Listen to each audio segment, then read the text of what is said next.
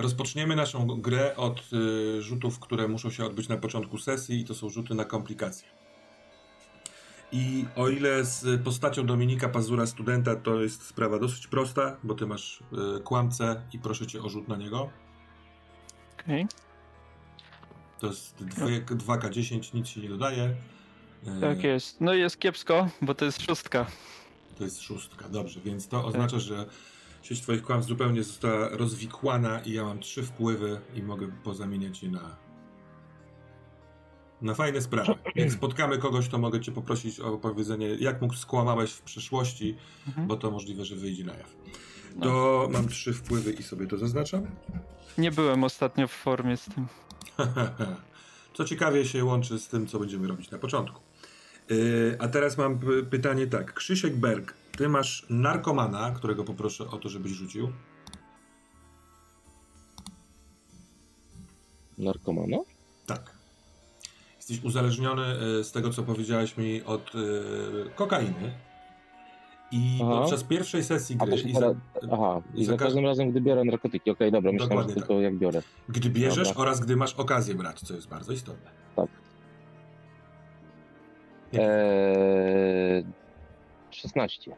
16, więc na razie pla- Mhm. panujesz nad e, uzależnieniem. Poproszę cię także o rzut na koszmary, mimo tego, że trigger tu jest taki, że podczas każdej sceny, w której śpisz, ale chciałbym, e, bo, bo niedługo będzie ten sen, a nie chcę później robić Mhm. tego rzutu i pamiętać, tylko Dobra. wolę teraz mieć z góry rzucone. Dobra. I tym razem to jest niestety tylko 8. Tylko 8. Koszmary przejmują pełną kontrolę, jesteś uwięziony we śnie, dopóki nie znajdziesz sposobu, by się To ja nie idę spać dziś. A wszystko, co ma miejsce we śnie, wpływa bezpośrednio na twoje ciało. Dobra. Ym...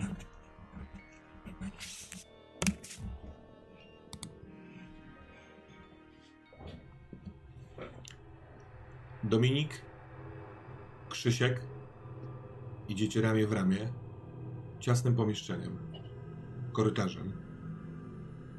Zewnętrzne ramiona na tyle tu jest wąsko, że ocierają się o czarną w ciemnościach, chłodną, chropowatą ścianę.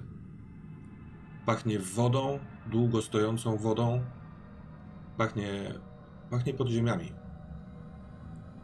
Jest taki poszum w, w dźwięku, nie wiadomo od czego. Chyba tego, że ten korytarz, którym idziecie, chyba już długo idziecie. Tu każdy z was możliwe, że odwrócił się na chwilkę, żeby zobaczyć skąd właściwie idziecie. I ciągnie się nie wiadomo dokąd. Światła są wetkniętymi w boki ścian u góry takimi okrytymi plastikami e, lampami, ale one są co 20 kroków albo nawet jeszcze dalej i słabe światło dają.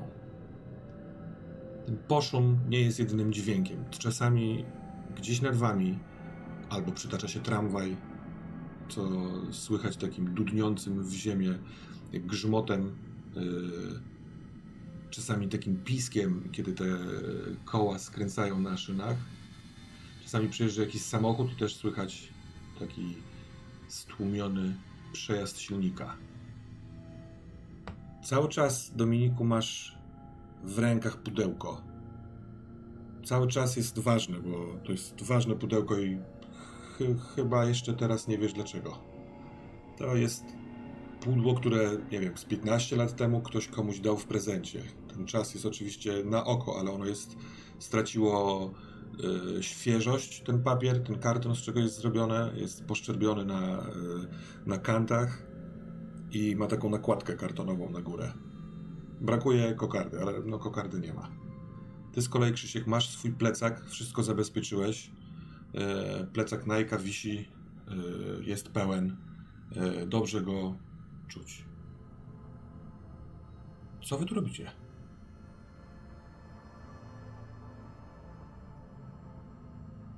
Patrzę na Dominika i obserwuję, obserwuję jego reakcję.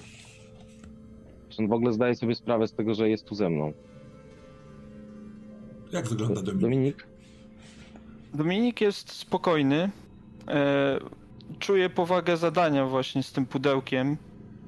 E, trzyma je kurczowo, e, wiedząc, że to najważniejsza rzecz w tym momencie jego życia. E, zdaje sobie jak najbardziej sprawę z obecności Krzyśka obok niego. Natomiast jest tak skupiony na tym, żeby nieść przez siebie to pudełko, że nie za bardzo o czymkolwiek innym myśli. Dodatkowo monotonia tego korytarza sprawia, że właśnie nie zaburza, y, nurt jego myśli nie jest niczym zaburzony. Mhm. Trochę jak w transie. Znacie się dosyć przelotnie, nie wiem, zakładam, że trochę się widzieliście, ale ty, Dominiku, załatwiłeś na zlecenie Remiego y, taki domek działkowy w Oliwie, niedaleko uniwersytetu, w którym to Krzysiek y, pracuje, trochę w cudzysłowie. A właściwie nie w cudzysłowie. Ty masz tam takie swoje małe laboratorium i y, robisz narkotyki. Więc myślę, że mogliście się spotkać. Możliwe, że ty, Dominik, też masz jakieś rzeczy w innej części tego domu działkowego, bo to jest taki dom- taki domek działkowy, jeżeli chciałbyś z niego skorzystać jako skrytki, no to jest świetna rzecz, bo nie jest na ciebie zapisany, jest na uboczu, yy, można tam chować różne rzeczy. Ale to decyzja na później. Krzysiek, Dominiku, jest to totalnie naćpany. Cały czas y, rusza ż- y, żuchwą, słyszysz cały czas jak cmoka, przełyka ślinę. Może mimo tego, że masz nienaruszony tok myślowy, jeżeli na niego zerkasz, to widzisz zaciskające się mięśnie szczęk i jego oczy inaczej odbijają te mijane przez was na ścianach światła. W pewnym momencie do, Dominik jest właśnie tym rozproszonym, mnie to rozprasza kompletnie. E, patrzę się e, dosyć e, nerwowo w stronę Krzyśka e, i mówię, mógłbyś w końcu przestać to robić? Możesz się trochę uspokoić? Robimy tutaj ważną rzecz, załatwiamy ważną sprawę. Patrzę na Słyszysz ty Dominika. Co my, co, co my tu robimy? Co, że, co, co się dzieje? Gdzie, gdzie my jesteśmy w ogóle? Rany, co się z tobą dzieje? Znowu ćpałeś? Co? No, nie no, ale słuchaj, co, gdzie, gdzie my idzie? Co, co, co ty trzymasz w ogóle? Co to jest? Jak widać, pudełko. No, gdzie, gdzie my idziemy z tym pudełkiem? Spójrz, gdzie jesteśmy. Gdzie możemy iść? Przed siebie. Widzisz tu jakiś e, inny kierunek? A, Tak. a, a skąd my idziemy w ogóle? Odwracam się. Stamtąd. Za tobą, Dominik, jest y, kończący się w pewnym momencie korytarz, ale on kończy się tylko dlatego, że światło nie dochodzi. Więc y, jeszcze parę kroków jesteś w stanie zrobić w ciemności, a potem i tak jest za każdym razem. Bo uświadamiasz sobie, że długo już idziecie, że pomiędzy jednym tym światłem a drugim jest te takie dwa, trzy kroki w ciemności. Dziwne, bo w tej ciemności, w tej krótkim momencie bardziej śmierdzi stęchlizną, bardziej słychać dźwięki, tak jakby odcięcie oczu, no ale to chyba normalne. Wzmagało inne zmysły. Krzysiek, czujesz dym papierosa. Ty palisz, Krzysiek, czy nie? Mm, Nie, tylko koko. A Do- Dominik, ty palisz? Nie. E,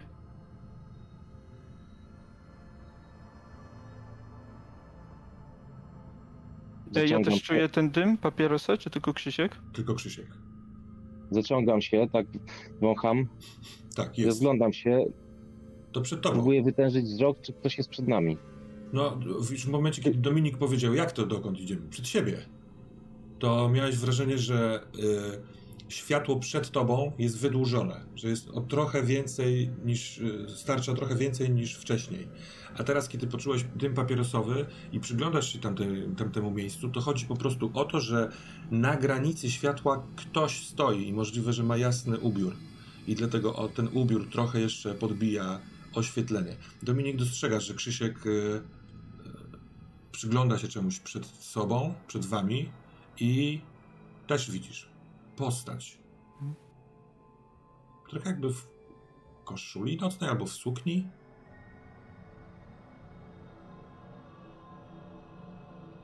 Hmm. I widać świetlik papierosa, kiedy bierze macha. Ej, Panowie! Słucham. W czym mogę pomóc? Wchodzi w krąg światła bardziej. Robi krok w waszą stronę. Chyba bardziej dziewczyna niż kobieta. Długie włosy, y, kręcone, w, trochę w nieładzie. Rzeczywiście jest to suknia. Biała sukienka. Co? Wiecie, gdzie idziecie? Ciebie. Może potrzebujecie pomocy? Mogę wam, mogę wam pokazać kierunki, gdzie, gdzie co jest. Ja tak nerwowo się rozglądam, jeszcze raz patrzę na Dominika, patrzę na nią. Ale no przecież my idziemy tam I pokazujesz jakby i przyszliśmy stamtąd. Tak, tak, tak. Więc ona na twoje pokazanie po- odwraca się. Z powrotem na was. Tę poradę dam wam za darmo. Nie idźcie tam. Przecież tam są schody w dół. Gdzie mamy iść? Cały czas idziemy przed siebie i to jest nasz cel. Dlatego przyszłam. Żeby spytać, czy wiecie, dokąd idziecie. Jak chcecie, żeby wskazać wam, dokąd iść, to ta porada będzie już kosztować. Co myślicie? Chwilę, chwilę, chwilę, bo może zacznijmy od początku. Kim ty tak w ogóle jesteś? A co, piszesz książkę? Ja się ciebie pytam, jak masz na imię? Okej, czyli załatwiamy tylko sprawy. Dobrze. Nie spodziewałem się tu po prostu kogoś spotkać. O, to macie szczęście, że jeszcze nikogo nie spotkaliście, że trafiliście najpierw na mnie. Ona robi dwa kroki w, y, do przodu. Trochę tak jakby ta chwilka rozmowy sprawiła, że nie wiem, mniej się boi, wie, że nie ma co się obawiać i stoi teraz na takich rozszerzonych trochę nogach, nie pasująca, bo to jest pozycja do sukni, ale pasująca do takiej jej, y, no właśnie, palenia peta, rozwiszonych włosów oraz adidasów założonych do tej sukienki. Ja ogólnie y, cały czas mam y, w głowie to, że muszę kurczowo trzymać pudełko, więc jak ona tak się zbliża, to y, mimowolnie też troszkę przybliżam do siebie to pudełko, tak żeby je zabezpieczyć dodatkowo. Ja Mhm. w tym momencie patrzę na nią i mówię, zaraz, zaraz, czekaj, czekaj, co ty, co ty a, przecież, przecież ty stamtąd przyszłaś. Z jakiego dołu? Jakie schody? Ja nie przyszłam stamtąd. Ja przyszłam No stamtąd. jak, no przecież my przyszliśmy stamtąd, ciebie tam nie było, do schodów się wzięłaś. No to zobacz, przyszłam stamtąd. I ona pokazuje prawą ręką za siebie na skos. Tak jakby sugerując, że gdybyście szli trochę dalej, to może będzie jeszcze też jakiś zakręt w lewo. Ta droga to nie prowadzi chyba tylko prosto? nam radę za darmo. Ta droga nie prowadzi prosto tylko. Przecież są załomy. Jak woda tędy leci, to trzeba gdzieś się schować, więc się wchodzi w taką, w taką, w taki załom i wchodzi się na murek, który jest na jak, jak, jak, jaka woda? Jaka, Hej, weź, wciągnij powietrze nosem. To się sam domyślisz. O, kurwa. No dobrze, ale to znaczy, że tam jest wyjście, tak? Gdzie? Za wami jest wyjście. Tam. Kurwa, ominęliście je, a ja wam za darmo je, je dałem. Dajcie papierosa przynajmniej. Macie jakiś alkohol? Tak się rozten, ale nie, nie, nie, nie mam żadnego alkoholu. No ja mam papierosy i wyciągam. Mimo, że Dominik nie pali, to nosi ze sobą Aha. paczkę petów. Uuu, no dobra. To co chcecie za te pety? Pokazać wam gdzie jest wyjście? O, ja myślę, że za całą paczkę to trzy odpowiedzi. Trzy, trzy odpowiedzi, dobra, w porządku, ale zależy od pytań. Bo jak będziesz mnie pytał o jakieś rzeczy, o których w ogóle nie chcę gadać, to pieprzę twoje papierosy. Ja tak patrzę na Dominika, to mówię, ty, kurwa, o co ty chcesz ją pytać? No, jak można zadać więcej pytań, to warto pytać. Dominik jest ciekawski. To dobrze, to dobrze. Lepiej wiedzieć niż nie wiedzieć. Szczególnie w takim miejscu jak to. Jak chcesz, Dominik, to mogę pokazać ci zejście w dół. Będziesz wiedział, jak wygląda.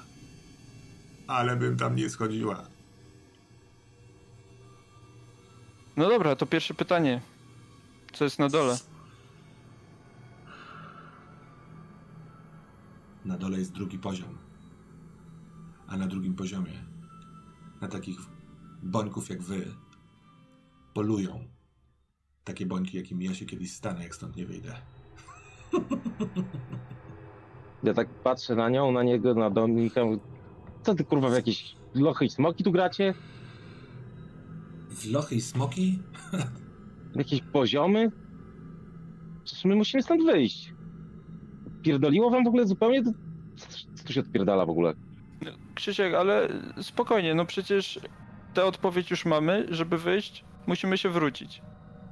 To nie jest takie łatwe. Ona pstryka kipem, on leci przed siebie i spada przed was. I robi takie krótkie cs, kiedy wpada. Na, na, na powierzchni podłogi są takie maluteńkie kałuże. Na, na tyle nierówna ta kamienista podłoga, że tam się właśnie ta woda... Wilgoć? Skrapla? Skąd się jest woda? Zrobiło cs, a ona idzie dalej. Wyciąga rękę w stronę twoich papierosów, Dominik, i mówi Wyjście jest za wami. Ale wygląda tak, jak całe te ściany. Trzeba wiedzieć, gdzie dokładnie się zatrzymać, żeby znaleźć schody. A wy przecież słabniecie. Ech, dobra. Dajesz jej papierosy? E, wiesz co, na razie jednego. Nie odpowiedziałem jeszcze na dwa pytania, więc po Aha. prostu otwieram i częstuję ją. Ona od razu go zapala. Jest na tyle blisko, że widzicie, że no to jest nastolatka plus, bo trudno dokładnie ocenić wiek. Yy, chyba jest młodziutka, ale może zepsuta przez te palenie, albo przez przebywanie tu, albo nie wiadomo co. Jest taka yy, zmęczona, styrana na twarzy. Ta sukienka to taka suknia typu, nie wiem, na bal maturalny, czy na, na jakieś wesele, czy na coś takiego, tylko dawno, dawno temu była w formie, a teraz nawet, nie wiem, ma na przykład narysowany y, flamastrem napis Freedom na mniej więcej na wysokości brzucha. To co? Drugie pytanie? No dawaj. No to w którym miejscu musimy się w takim razie zatrzymać, żeby stąd wyjść? To ci powiem, jak dasz mi resztę papierosów. Albo mogę was nawet tam zaprowadzić, to jak, jak już chcecie. Ja tak patrzę na Dominika, to przecież stary, przecież skoro tu weszliśmy, idziemy stamtąd, to jak wrócimy, to po prostu wyjdziemy. To jest przecież proste, nie? Co ona w ogóle ściemia? Jakie, jakie wyjście? Przecież jak weszliśmy, to musimy wyjść. Tamtędy, którędy wyszliśmy. Jakie ściany? Co, co wy... Krzysiek, Krzysiek, spokojnie, e, przeanalizuj to sobie jeszcze raz, powoli. Pamiętasz jak tu weszliśmy? No nie, ja nie wiem w ogóle skąd tu się z tobą wziąłem. No właśnie, ja też nie pamiętam, dlatego sami stąd nie wyjdziemy, niestety. No ale skoro... Kurwa, kurwa, nie, nie, kurwa. Spokojnie, ja, Krzysiek, nie. Krzysiek, Krzysiek, spokojnie, spokojnie, Krzysiek, spokojnie. Bo widzę, że jesteś e, trochę zrobiony. Nie panikuj przede wszystkim. Jak ktoś tu długo chodzi, to to normalne, że nie wiecie skąd przyszliście. Spokojnie, to przyjdzie do was może jutro, może we śnie, może nigdy. Ale tak naprawdę jest nieważne. Lepiej nie pamiętać. Chodźcie, chodźcie, bo jesteście nerwuski, pokażę wam. I ona chce wejść pomiędzy was, tak żeby iść w stronę, z której przyszliście. Czy coś robicie przeciwko temu, czy też nie? Nie, ja daję jej właśnie tak przejść i prowadzić. Ja się E, odsuwam. tylko Staram się jej uniknąć, sorry. Mhm. Jasne. E, też się właśnie trochę odsuwam, żeby po prostu jej miejsce zrobić. Aha. E, Nadal kurczowo trzymam te, te pudło e, i czekając na ten moment, jak właśnie będzie nas mijać, żeby, żeby właśnie zacząć prowadzić, to e, chciałbym się odezwać i, i właśnie Mhm. powiedzieć. E, ale trzecie pytanie i tak zadam. Odpowiesz albo nie. Jedziesz. Co to jest do cholery za pudło? I czemu tak kurczowo je trzymam? Ona, zdążywszy ciuteńkę was minąć, zatrzymuje się, odwraca się, patrzy na to twoje pudełko, trochę tak jakby pierwszy raz je zobaczyła. Patrzy na ciebie. Nie wiem. To, to, to, to jest jakieś pytanie jak w Hobbicie? Skąd ja mam wiedzieć, co masz w pudełku? Ja też w tym momencie patrzę na Dominika jak trochę na nienormalnego, bo widzę, że niesie pudło cały czas, pilnuje go, a w tym momencie pyta się, co to jest, więc po prostu już naprawdę już zaczynam się trząść, w ogóle nie wiem o co chodzi, tak? Hej, hej, Krzysiek, spokojnie, spokojnie, spokojnie. Y, y, Dominik, o, jego trafia, jego trafia. Zresztą ty też zaraz będziesz coraz słabszy, coraz słabszy. Tu wszyscy chcą iść spać. Chodźcie. Dobra. E, Nie wiem, może daj mu jedną fajkę, może to go uspokoi. Mm, No, wyciąga w twoją stronę papierosy, Krzysiek. Obaj y, dostajecie jeszcze jedną informację. Ona minęła was i po chwili w tej rozmowie dociera strasznie śmierci. Strasznie brudna osoba to jest. Ta suknia chyba jest najczystsza w tym wszystkim. I ona idzie, człapie. Co robicie? E, No, ruszam za nią, żeby, żeby jej nie zgubić, nie stracić z oczu. E, i Jednocześnie odwracam się w stronę Krzyśka, patrzę, czy on też rusza. Jeśli nie, to będę próbował go za rękę pociągnąć, żeby jakoś wymusić na nim ten ruch. Ja jeszcze tak przez moment patrzę w tą, w tą stronę, z której jakby ona. Mhm. Tam, gdzie szliście, tak? Przez moment tak niepewnie patrzę.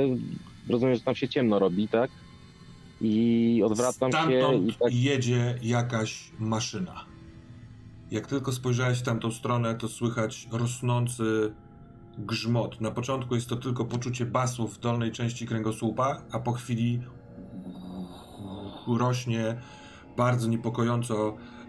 Y, y, widzicie, bo ty też Dominik widzisz i słyszysz to samo, tylko że spojrzałeś w stronę Krzyśka, żeby go zawołać ra- ramieniem. Ten korytarz ma określony kolisty, taki owalny kształt przez to, że światło jest nikłe, a ten dźwięk rosnący wydaje się wam być ol- olbrzymi, to od razu przychodzi do głowy taki obraz jak z filmów w tego rodzaju scenach, jak y, korytarz jest za mały, żeby pomieścić kogokolwiek oprócz, nie wiem, jakiejś maszyny, która nadjeżdża. Ale z sekundy na sekundę jesteście pewni, że to nie tym korytarzem przetacza się tramwaj nad wami. I tam jest ciemno, Krzysiek. Wydaje ci się, że miejsce, w którym ona była, tam teraz nie ma tej latarni. Tak jakby ta latarnia, te, te lampy świeciły do trochę krótszy, na krótszy dystans. Słyszycie z pleców. Ogólnie e, właśnie jak e, na początku mieliśmy to wrażenie, że, że ta maszyna się do nas zbliża, Aha. to gdzieś tam właśnie w głowie Dominika pojawił się stres, ale nie dał po sobie, starał się nie dać po sobie tego poznać, może Krzysiek coś zauważył. E, natychmiast właśnie jak się zorientował, że, że to tramwaj przejeżdżający nad naszymi głowami, to e, odwracam się właśnie w stronę gwizdającej dziewczyny, gwizdzącej dziewczyny i e, znowu macham Krzyśkowi, chodź, chodź. No ja już, ja już tak byłem na granicy paniki, już tak y, naprawdę, już, już naprawdę myślałem, że coś jedzie w naszym kierunku. W momencie, kiedy się zorientowałem, że to rzeczywiście coś jest nad nami, to tak się wzdrygam jeszcze.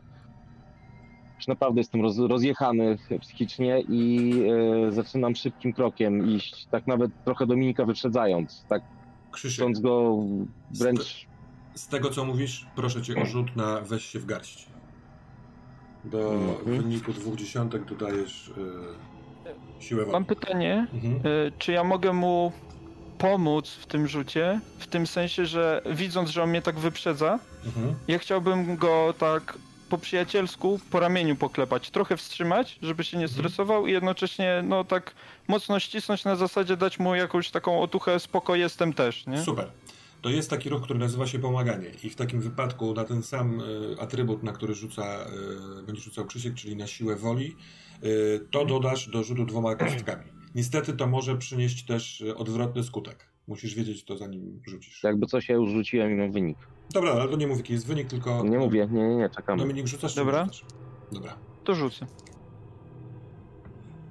E, I to będzie 13. Więc dodajesz jeden do swojego wyniku, Krzyśku. No to z tym to jest 19. Super.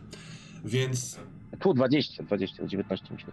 E, Dostrzegłeś, Dominik, że jak e, stojący parę kroków przed tobą Krzysiek odwrócił się, twarz ma, e, no tak samo jak ty, też słyszał ten nadjeżdżające coś.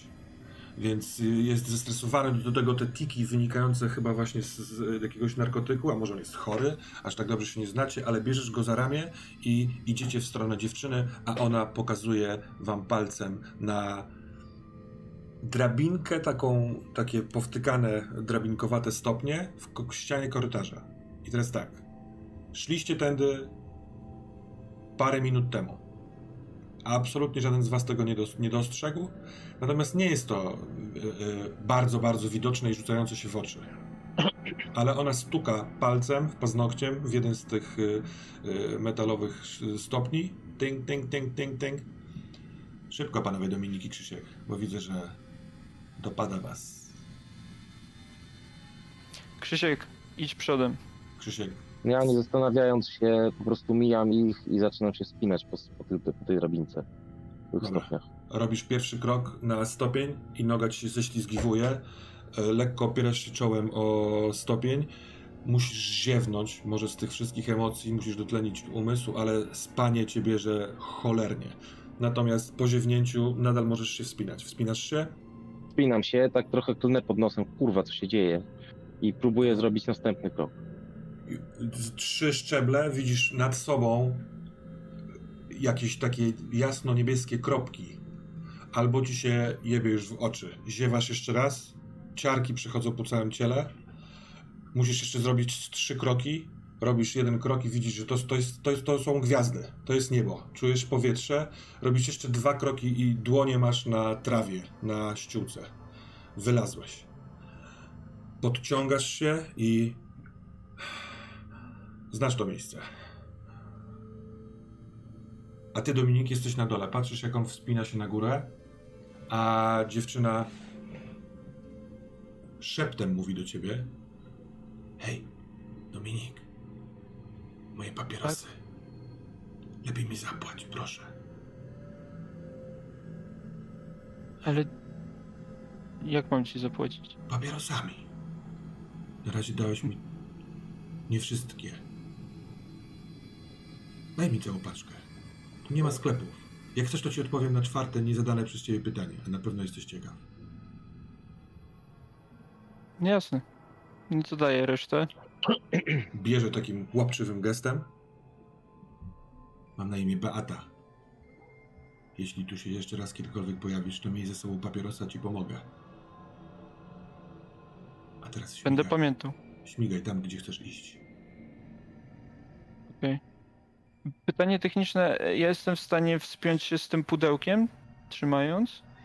Będzie No nie, ciężko? Nie jest to najprostsze, ale tak, absolutnie. Po prostu trzeba dopasować tempo do, wiesz, Mhm. tego, że trzymasz to pomiędzy łokciem a żebrami i jakoś dasz radę. Dobra, to tak próbuję. Strzał. Właściwie w tym samym momencie nacisnęliście spust. Remi i Robert stojąc yy, w jakby, nie wiem, przy stanowiskach obok siebie. Yy, wy, wyobrażam sobie strzelnicę, że to, jakby możecie się widzieć i rozmawiać ze sobą. Macie te takie wygłuszające słuchawki pewnie na uszach, chyba że któryś z was nie chce, bo lubi ten dźwięk. I gdzieś tam x kroków przed wami jest y, ten taki tors człowieka pod tytułem Strzelnica. Jest raczej poranna godzina, około 10. Nie wiem, czy pracowaliście w nocy, czy nie pracowaliście, ale akurat tak, tak, taka pora się trafiła e, wolne tory, tory na strzelnicy. Yy, a może po prostu lubicie być rano, bo jest mniej osób. Trochę to jest dla mnie teraz nieistotne, ale jesteście w miejscu, które wam przynosi, yy, czyści trochę umysł, jest przyjemne, precyzyjne, odcinające się chociażby tym głośnym od spraw tego świata.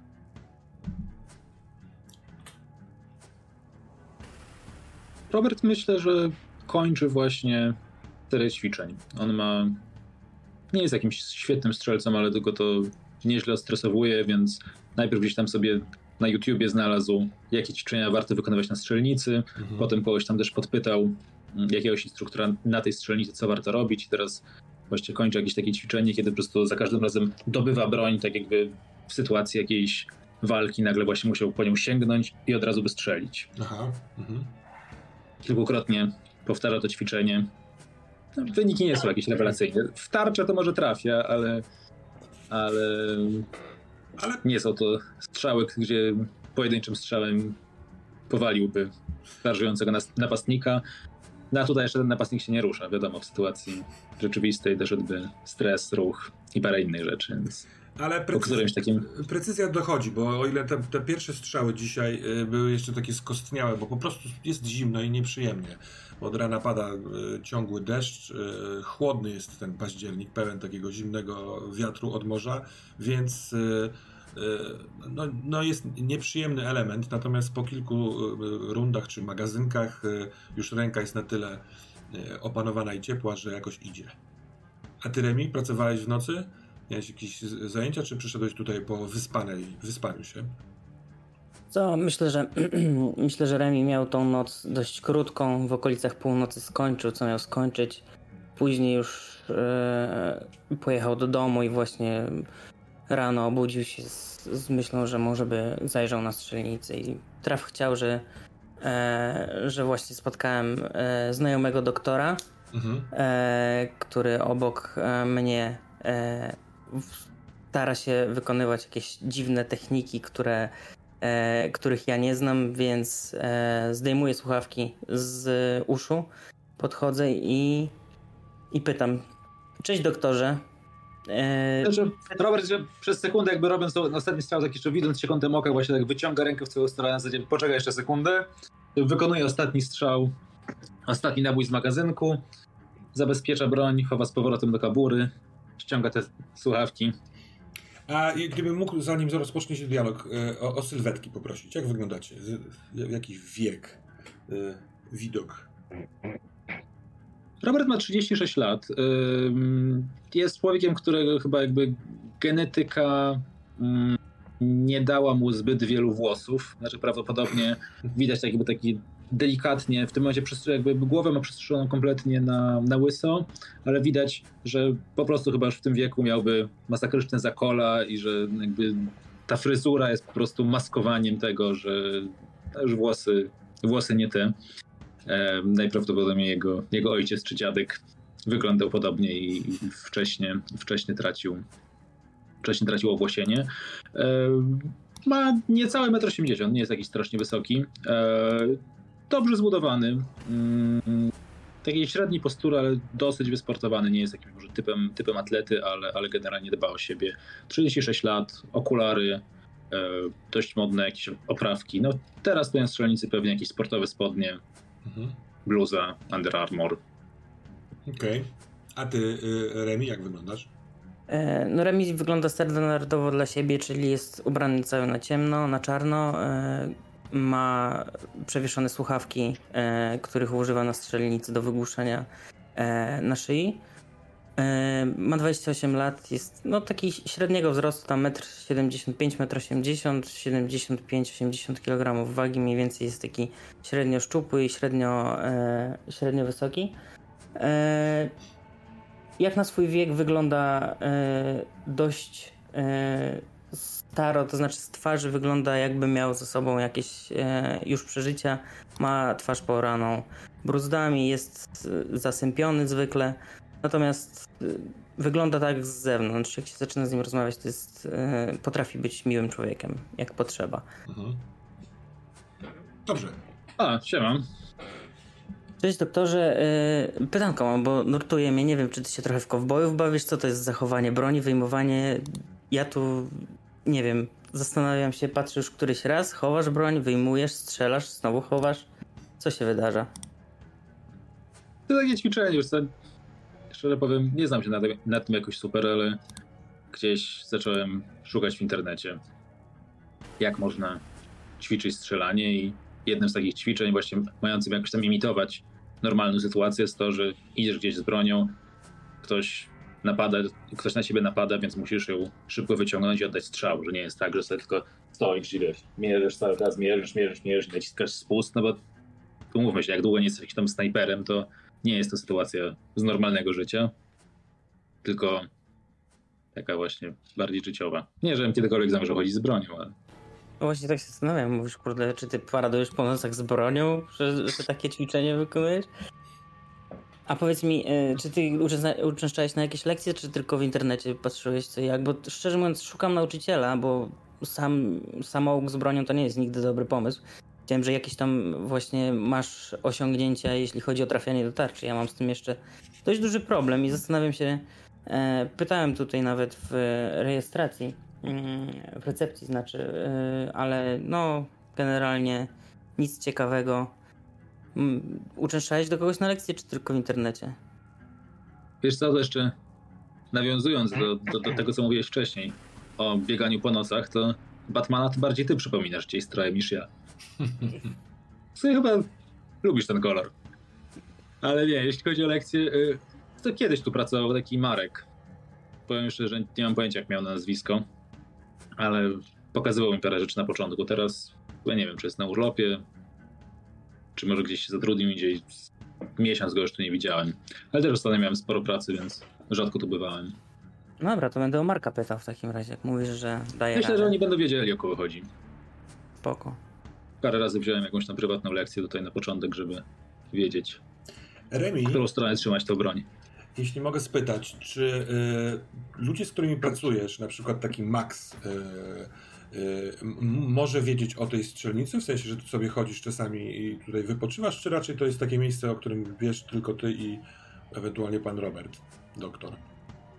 Wiesz co, wydaje mi się, że y, ja tego specjalnie nie ukrywam w żadnym wypadku, natomiast ta relacja z, y, z Maxem i z moimi współpracownikami jest taka, że oni nie chodzą za mną i nie sprawdzają gdzie i co i jak i raczej nie idziemy na piwko i nie rozmawiamy o tym, jakie mamy hobby. To jest po prostu czyste, czysto biznesowa relacja, więc Mhm. oni prawdopodobnie nie wiedzą o tym nic.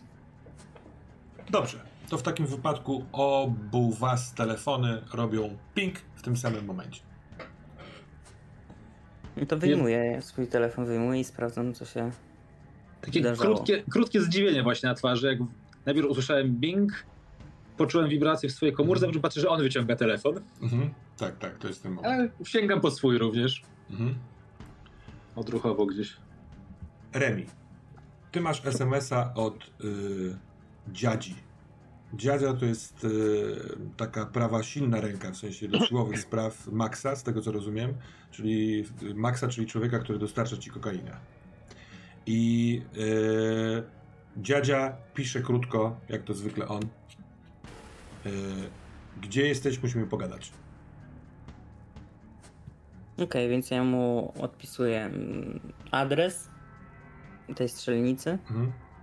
W Gdańsku I- jest e, ciekawie usytuowana strzelnica na ulicy Jaśkowa Dolina. E, To jest jakby pomiędzy Wrzeszczem a Moreną i jest tam taka miejscówka leśna, w której jest restauracja dla myśliwych, z tego co wiem, albo przynajmniej jakoś tam się tak nazywa, ale jest też strzelnica. Może tam być? Nie Może wiem. być, w tej restauracji na przykład. Albo pod restauracją w samochodzie, niech podjedzie. Piszę mu, żeby podjechał pod restaurację Mhm. tą i tą. I będę za 15 minut.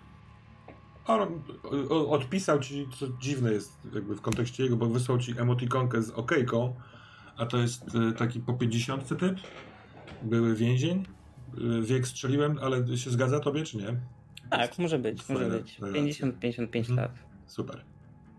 A ty, Robert, dostajesz SMS-a od swojej siostry, a właściwie MMS-a, bo to jest zdjęcie.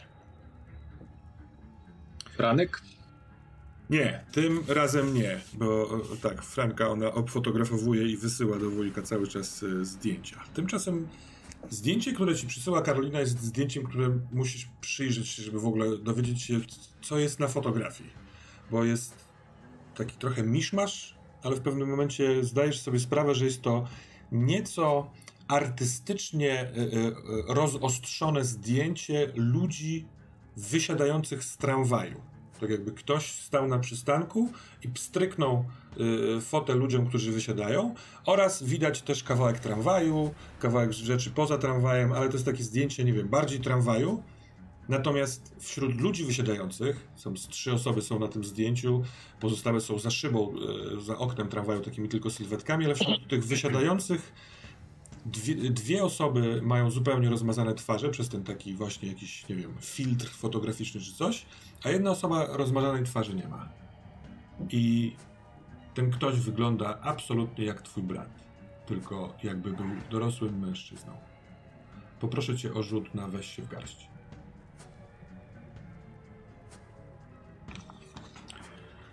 Jako, że twój brat Szymon, tak? Tak. 20. To jest plus siła woli, tak? to jest plus siła woli. To 10, bo wyrzuciłem 8, ale w Mhm. takim razie 10. E, twój brat Szymon, kiedy ty byłeś e, w Ogólniaku jeszcze, e, to był twój młodszy brat, tak? E, Starszy. starszy.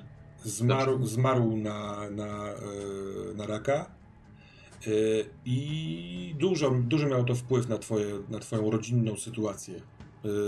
Pewnie do szczegółów wrócimy, ale kontakt twój z rodzicami jest raczej chłodny z tego, co rozumiem.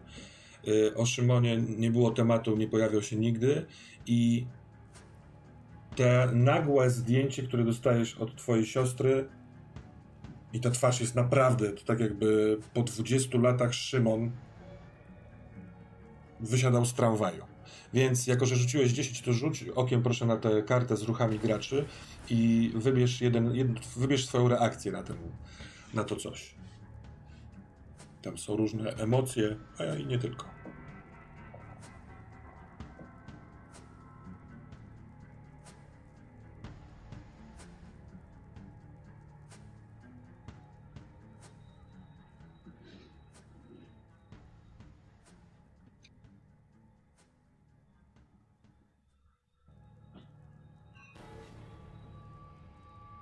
Wiesz co, ja myślę, że najbardziej mi pasuje, jakby poza jakimś mm, takim jakby kompletnym wygłupieniem, to myślę, że poczucie winy.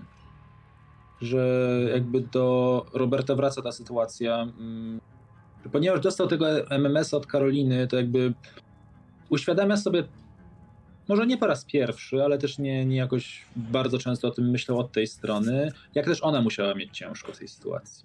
Bo ona jakby z jednej strony jako jedyna osoba z jego rodziny jakoś rozumiała to, że Robert w którymś momencie już po śmierci brata, y, nie mogąc sobie poradzić z tym, że rodzice jakoś nie potrafią na tym, może przejść do porządku dziennego to złe słowo, ale że nie potrafią się od tego jakoś odciąć, wziął wszystkie pamiątki po nim, wyjechał na, na ujeździsko i tam, tam je spalił.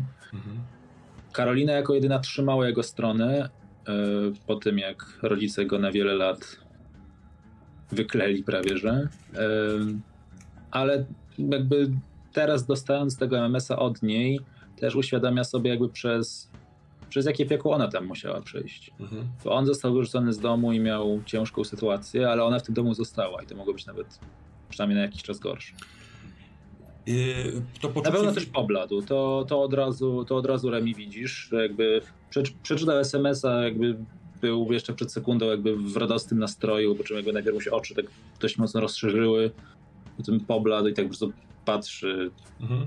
To ten telefon. Jeśli, y, jako że wybrałeś poczucie winy, to proszę obniż sobie stabilność o jeden, a jako, że wspomniałeś teraz w opisie tego odczucia o tym, że zebrałeś pamiątki i poszedłeś y, spalić pamięć po Szymonie w symboliczny sposób, to poproszę cię o rzut na twoją komplikację, czyli wyparte wspomnienia.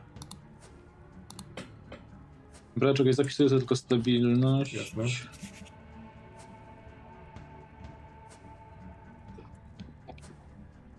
Dobra. To jest bez dodatków. To jest bez dodatków. 7. 7. 7.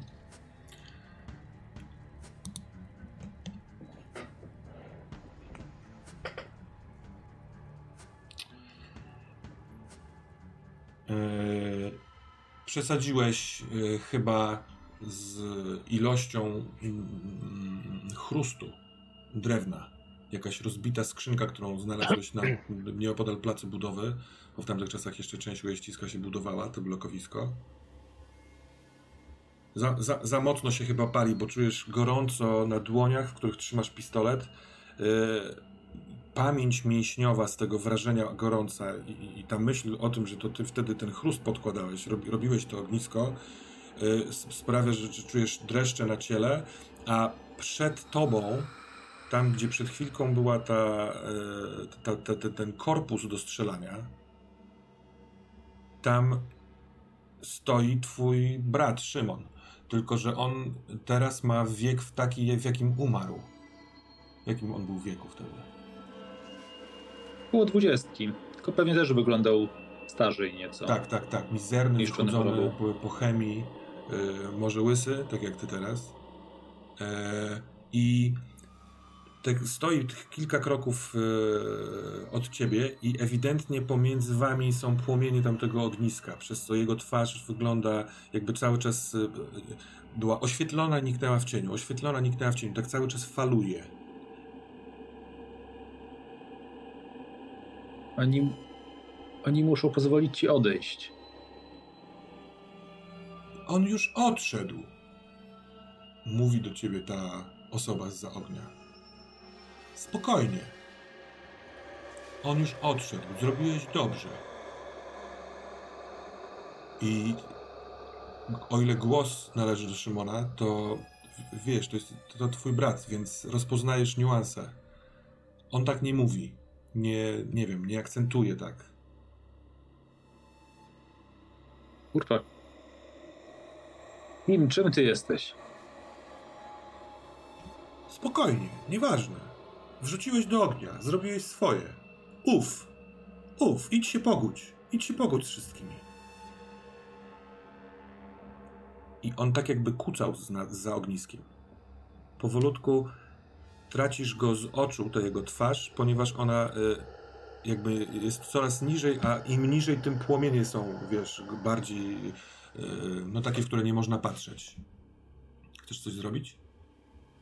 On jest jakby w środku tego ognia, czy jakby za tym ogniem? On chyba jest za tym ogniem, ale teraz kiedy o to pytasz, to widzisz potężne ognisko, które zrobiłeś. Nie wiem dlaczego wtedy zrobiłeś takie ognisko. To był jakiś amok może?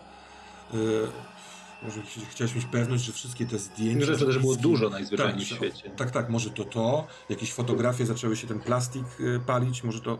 Ale ogień jest wielki, czujesz dym straszliwy, bo rzeczywiście wtedy blisko podszedłeś. Po co ty podszedłeś tak blisko? Masz wrażenie, że masz poparzone wierzchy dłoni, dym cię dławi, a on jest za ogniskiem, ale znika coraz bardziej, tak jakby kucał za tym dużym ogniskiem. Remi, widzisz, że Robert idzie w kierunku toru. Robi krok, wiesz, przekracza linię, której przekraczać nie wolno.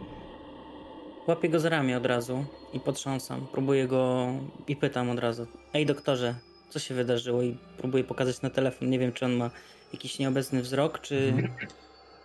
Yy, Robert. Jest, zrobiłeś krok, jakby właściwie się nachyliłeś do tego ogniska, żeby zobaczyć, czy tam jest ta twarz, czy ona jest za ogniem, czy w, w środku tego ognia i coś cię łapie za ramię, ale to jest tak jakby z innego świata, możliwe, że nie jest istotne. Czy chcesz na to zareagować? Słyszysz jakiś głos z daleka. Co robisz? Nie, myślę, że na ile się da. Znaczy, ta bariera ognia, to ciepło, myślę, że mnie trochę odrzuca, ale próbuję przez moment jakoś, nie wiem, może obiec ten ogień. Mhm. Jeśli to jest jakieś ognisko, a wydaje mi się, że to może być coś za tym ogniem, to jakby tą rękę pewnie jakoś tak machinalnie, nawet nie skupiając się za bardzo, ale to jest taki odruch, jak wiesz, jak ktoś cię próbuje zatrzymać, położyć rękę na ramieniu, tak pewnie jakby wykonam taki ruch Mhm, mhm, mhm. delikatnie odpędzający, nawet nie jakiś agresywny, tak, ale jakby odpędzający się, Więc tak. czym Robert, ty robisz krok w bok razem z tym ramieniem, z- próbującym strząsnąć y, rękę Remiego. Remi, yy, przewidujesz to. Ty jesteś człowiekiem zajmującym się mm, ciemnymi sprawkami. Ty jakby wiesz, że po tym twoim pytaniu on tak jakby był nieobecny. On robi krok w ogóle w głąb tego toru, tam gdzie chce, chce gdzieś iść i chce strzepnąć twoją rękę. Czy go utrzymujesz, czy go puszczasz? Nie, puszczam go i po chwili patrzę, co on dalej zaczyna robić. Jeśli będzie, nie wiem, próbował iść dalej na ten tor. Nie wiem Mhm. też, czy naokoło też są ludzie, którzy na tym torze są i strzelają. Nie Na szczęście, mu wejść na, na tor. szczęście w Gdzie bezpośredniej ludzie s- strzelają. s- sąsied, sąsiedztwie nie. Jest jeszcze kilku strzelających, ale na dalszych torach. Teraz nikt nie strzela. Możliwe, że zwrócili uwagę na to, ponieważ Robert już jest tak trzy kroki w y, głąb y, tego torowiska, bo ty, Robert, wybiegłeś za ognisko i go tam nie ma. Wysokie trawy, nieopodal placu budowy, Odwracasz się, widzisz y, ujeździsko. Y, tu właśnie powstaje budynek przed tobą. Jest płot oddzielający cię od budowy. Jest dziura w tym płocie, stamtąd wziąłeś skrzynkę. Dalej są wybudowane świeże bloki na ujeździsku. Patrzysz z powrotem. W... Nie ma go. Co robisz? Ja myślę, że to jest jeszcze taki odruch, że po prostu jakby w tym miejscu, gdzie mi się wydaje, że on był, Mhm. przynajmniej wtedy, kiedy patrzyłem jakby z tamtej strony ognia, to po prostu łapie jakąś trawę i po prostu przez chwilę Mhm. No więc Zaczynam Remi, w tym ryć. Rob, doktor odkleił się. On otoczył coś, czego nie ma, jest w połowie swojego toru i zaczyna, wiesz, od, od, rozgarniać niewidoczne y, przedmioty. Dobra, ja podchodzę do niego i próbuję mu z liścia, liścia sprzedać. Robert, Żeby go otrzeźwić, żeby cokolwiek zrobić. odciągasz trawę i widzisz w ziemi dziurę. Czarną dziurę i błysk jakiegoś, nie wiem, księżyca czy gwiazd, czy czegoś takiego odbijający się od szczebla. I w tym momencie dostajesz plaskacza, który sprawia, że buch, jesteś na strzelnicy, tyłem do swojego celu, przed tobą stoi Remi, a ty tracisz dwa punkty stabilności. Doktorze, już jesteśmy? Obecni? Halo. Nie wiem, czy on trzyma e, pistolet w ręku, czy ma schowany w koburze w tym momencie, bo chciałbym pierwsze co to zabrać mu ten pistolet, jeśli ma w ręku. Ja po ćwiczeniu chowałem do kabury, więc jeśli jakby w tym amoku nie łapałem za pistolet, a w tamtej sytuacji raczej nie miałem przy sobie broni, więc, więc może nie, Mhm. To broń raczej powinna być w kaburze. Dobrze, niech będzie w kaburze. W ręku masz telefon. No widzisz pewnie nawet, że jakby jak klęczę z tym telefonem, tam jest jakieś zdjęcie, pewnie z twojej odległości, szczególnie jak one jest właśnie takie trochę arty- artystyczno rozmazane, to z twojej odległości pewnie nawet trudno dokładnie ocenić, no ale jakby widzisz SM- M- MMS-a z jakimś otwartym zdjęciem. Pod Yy, zdjęciem, ja jest się- też, pod zdjęciem jest też SMS tekstowy. Jest jest komentarz. Wcześniej, Robert, jakby trafiło cię zanim zobaczyłeś ten tekst, ale teraz Mhm. To jest To oczywiste. pewnie nawet jeszcze to do mnie nie, nie Mhm. dociera. Może Dobrze, nawet dobrze. ty wcześniej, jeśli masz dobry wzrok, to może nawet wcześniej jakby zobaczysz, co jest tam napisane niż, niż, niż, niż Robert realnie. Yy, Robert jakby usłyszawszy cię, jakby złap, złapał z tobą na sekundę kontakt wzrokowy, jeszcze tak dysząc ciężko, nie za bardzo mogąc się odezwać, ale pokiwał głową jakby na dając ci jakoś trochę do zrozumienia, że, że chyba łapie z tobą kontakt powoli, natomiast no jakby wciąż jest, wciąż jest na tych kolanach, tak trochę skulony, tu z tym telefonem, dycha ciężko. Dobra, ja go biorę pod ramię, próbuję go podnieść, też yy, biorąc pod uwagę, że inni już prawdopodobnie się patrzą, chciałbym go Tak. wyprowadzić stamtąd po prostu, Mhm. żebyśmy nie byli obiektem. No więc e, jak wracacie na stanowiska, to podchodzi do was y, obsługa, ktoś właśnie z recepcji, który patrzy bardziej na ciebie, Remi, tak jakby wstydząc się pokazać, że patrzy też kątem oka, co jakiś czas rzuca okiem na, na, na, na, na, doktora i się pyta, czy wszystko jest w porządku? Tak, wszystko w porządku. Tam kolega po prostu taki zakład głupi. Aha. Po prostu do, kto dalej dojdzie na to, że jak inni strzelają, ale jak widzimy wygrał, więc wystarczy. Nie, nie chcieliśmy robić problemu, dobrze, to dobrze. jest jakby... Y, Panowie, naprawdę te punkty regulaminu, on- ich nie jest dużo, ale musimy je przestrzegać. Bo takie zakłady, Dobra, takie jasne, dziwne zabawy, tak. jak każdy przekroczy linię, to w końcu ktoś, yy, więc bardzo, bardzo proszę. Nie Ja robić. pięć dych wyjmuję za pazuchy i mu daję... Bo to jest facet, jak rozumiem, z obsługi, Tak, więc mu tak, daję... Wiesz Dobrze, co, on, dobrze, on jakby- podcią- podciąga ręce i pokazuje, nie, nie, nie, to jest naprawdę niepotrzebne. No dobrze, ale jeszcze raz przepraszamy, także nic się nie wydarzyło. My już tak czy siak i tak wychodzimy, więc Dobra, Dzięki. dobra. No Robert pewnie po chwili, znaczy dochodzi do siebie, to może za, za, za dużo powiedziane, ale jakby zaczyna, zaczyna kontaktować. Widzi, że wciąż jest jakby taki spięty. Ym, Natomiast jakby tam, gdzie podszedłeś do obsługi, tam, tam poszedł za tobą, gdzieś jakby pewnie w międzyczasie machinalnie też jakby wyciągnął tą broń Mhm. zabezpieczoną, jakby trzymając za, za lufę, jakby tam odłożył na lady w odpowiednim miejscu, stając tą broń, bo nie ma własnej broni, więc za każdym razem jakby wypożycza tą broń. No dzięki. Dobra, ja mówię, wiesz co, tu jest restauracja, jest dobra jajecznica, ja mam jedną sprawę do załatwienia, ale idź do tej res- restauracji, załatwię swoją sprawę i później, nie wiem, odwiozę cię do domu. Nie wiem, czy ty jesteś w stanie prowadzić, czy taksy sobie zamówisz, czy coś. Nie mam pojęcia, co się wydarzyło, ale Dzięki, dobra. To Dobra. Po, po, poczekam tam, jak, jak To, to tu masz chwilę, to na razie zostawiam. zapraszam na, tak patrzę na zegarek, drugie śniadanie. Mhm. Dominik. Budzisz się w swoim łóżku, w swoim mieszkaniu. Mm, Nie budzikiem. Nie wiem, może nie masz dzisiaj zajęć albo masz na później, albo zaspałeś, to, już jest twoja decyzja. E, no i jak wygląda taki zwykły poranek Dominika? Ogólnie budzę się patrząc w sufit. Przecieram twarz. E, A propos, bo pewnie, przepraszam, może nurtować cię kwestia pewna. Nic, co graliśmy do tej pory, w ta twoja scena y, z Krzyśkiem, nie ma tego w twojej głowie. e, tak, także e, właśnie budzę się, przecieram twarz. Mm. E, podnoszę się powoli na łóżku, gdzieś tam dochodząc do siebie, e, łapiąc taki wstępny rozruch. E, po chwili zwlekam się z łóżka. Pierwsze co robię, to, to szybko się ubieram, żeby od razu ewentualnie być e, gotowym w razie czego do wyjścia, bo Mhm. e, nawet jeszcze e, nie spojrzałem, która jest godzina, a, a troszkę 20, mam po wrażenie 10, właśnie- 20 po 10 jest. Mhm. Okej. Em, Więc tak na chwilę się zawieszam nad tą godziną, myślę sobie, jeszcze szybko w telefonie przeglądam plan i przypominam sobie, że dzisiaj same wykłady, także raz, że, że online, a dwa, że y, nie mam kompletnie ochoty dzisiaj uczestniczyć. E, Wolę się zająć kompletnie innymi rzeczami, także tam prawdopodobnie się tylko zaloguję, żeby fikcyjnie wisieć gdzieś jako obecny na tych Mhm. wykładach, ale gdzieś one sobie w tle będą lecieć. E, Także wychodzę z pokoju, e, kieruję się jeszcze do łazienki, przemyć twarz. E, A jak w ogóle Właśnie- mieszkasz jako student? Wynajmujesz coś? E, tak, e, wynajmuję mieszkanie e, w zasadzie na współę z moim przyjacielem Cezarym Tomczakiem. Mhm. Ogólnie właśnie po, po jednym pokoju i mamy jako taką część wspólną salą z aneksem kuchennym.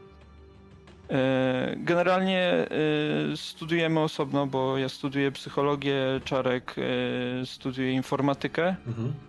Mm, Także generalnie mamy kompletnie inne grafiki. Natomiast gdzieś tam często właśnie popołudniami spędzamy, staramy się spędzać trochę czasu właśnie albo po prostu po, pogadać co tam u nas, jakoś Mhm. też się zrelaksować.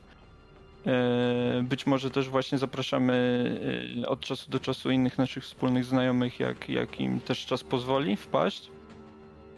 Em, I, a czasem zajmujemy się e, naszym, e, powiedzmy, takim e, amatorskim biznesem e, Mhm. w postaci tej właśnie takiej działalności mm, fikserskiej na własną rękę, gdzie tam próbujemy e, różnym ludziom wyświadczać przysługi w zależności od potrzeb i naszych możliwości. No, chyba Generalnie. też czasem, e, e, chyba też kosztem innych, e, tak jak zrozumiałem. Tak, tak, zgadza się. To, to bywają właśnie mm, e, zlecenia w postaci no, e, niemoralnych tutaj decyzji, Mhm. e, w postaci na przykład e, znajdowania jakichś haków, szantaży na inne osoby.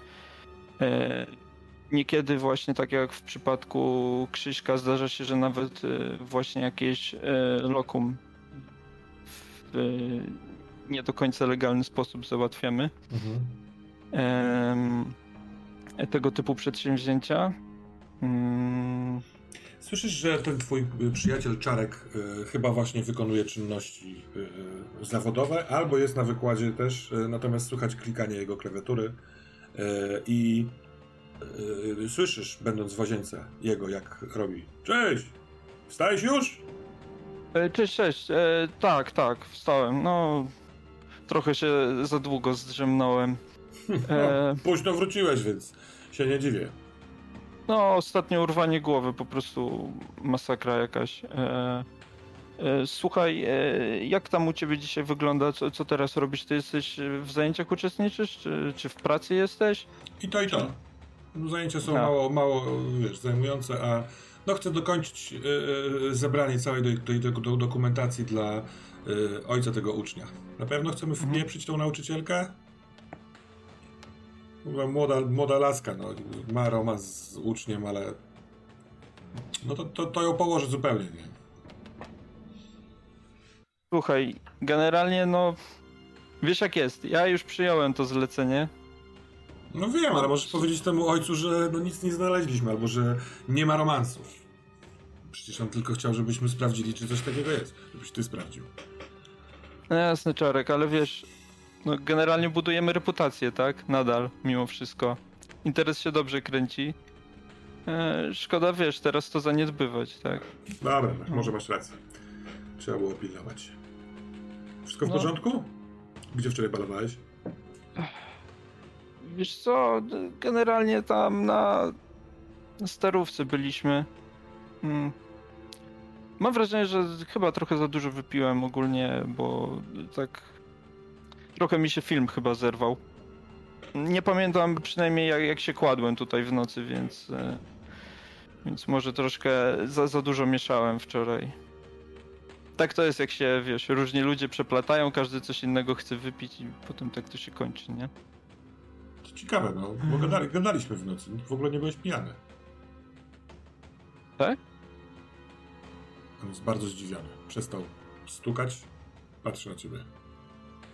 Ej, czekaj, o, o której ja wróciłem?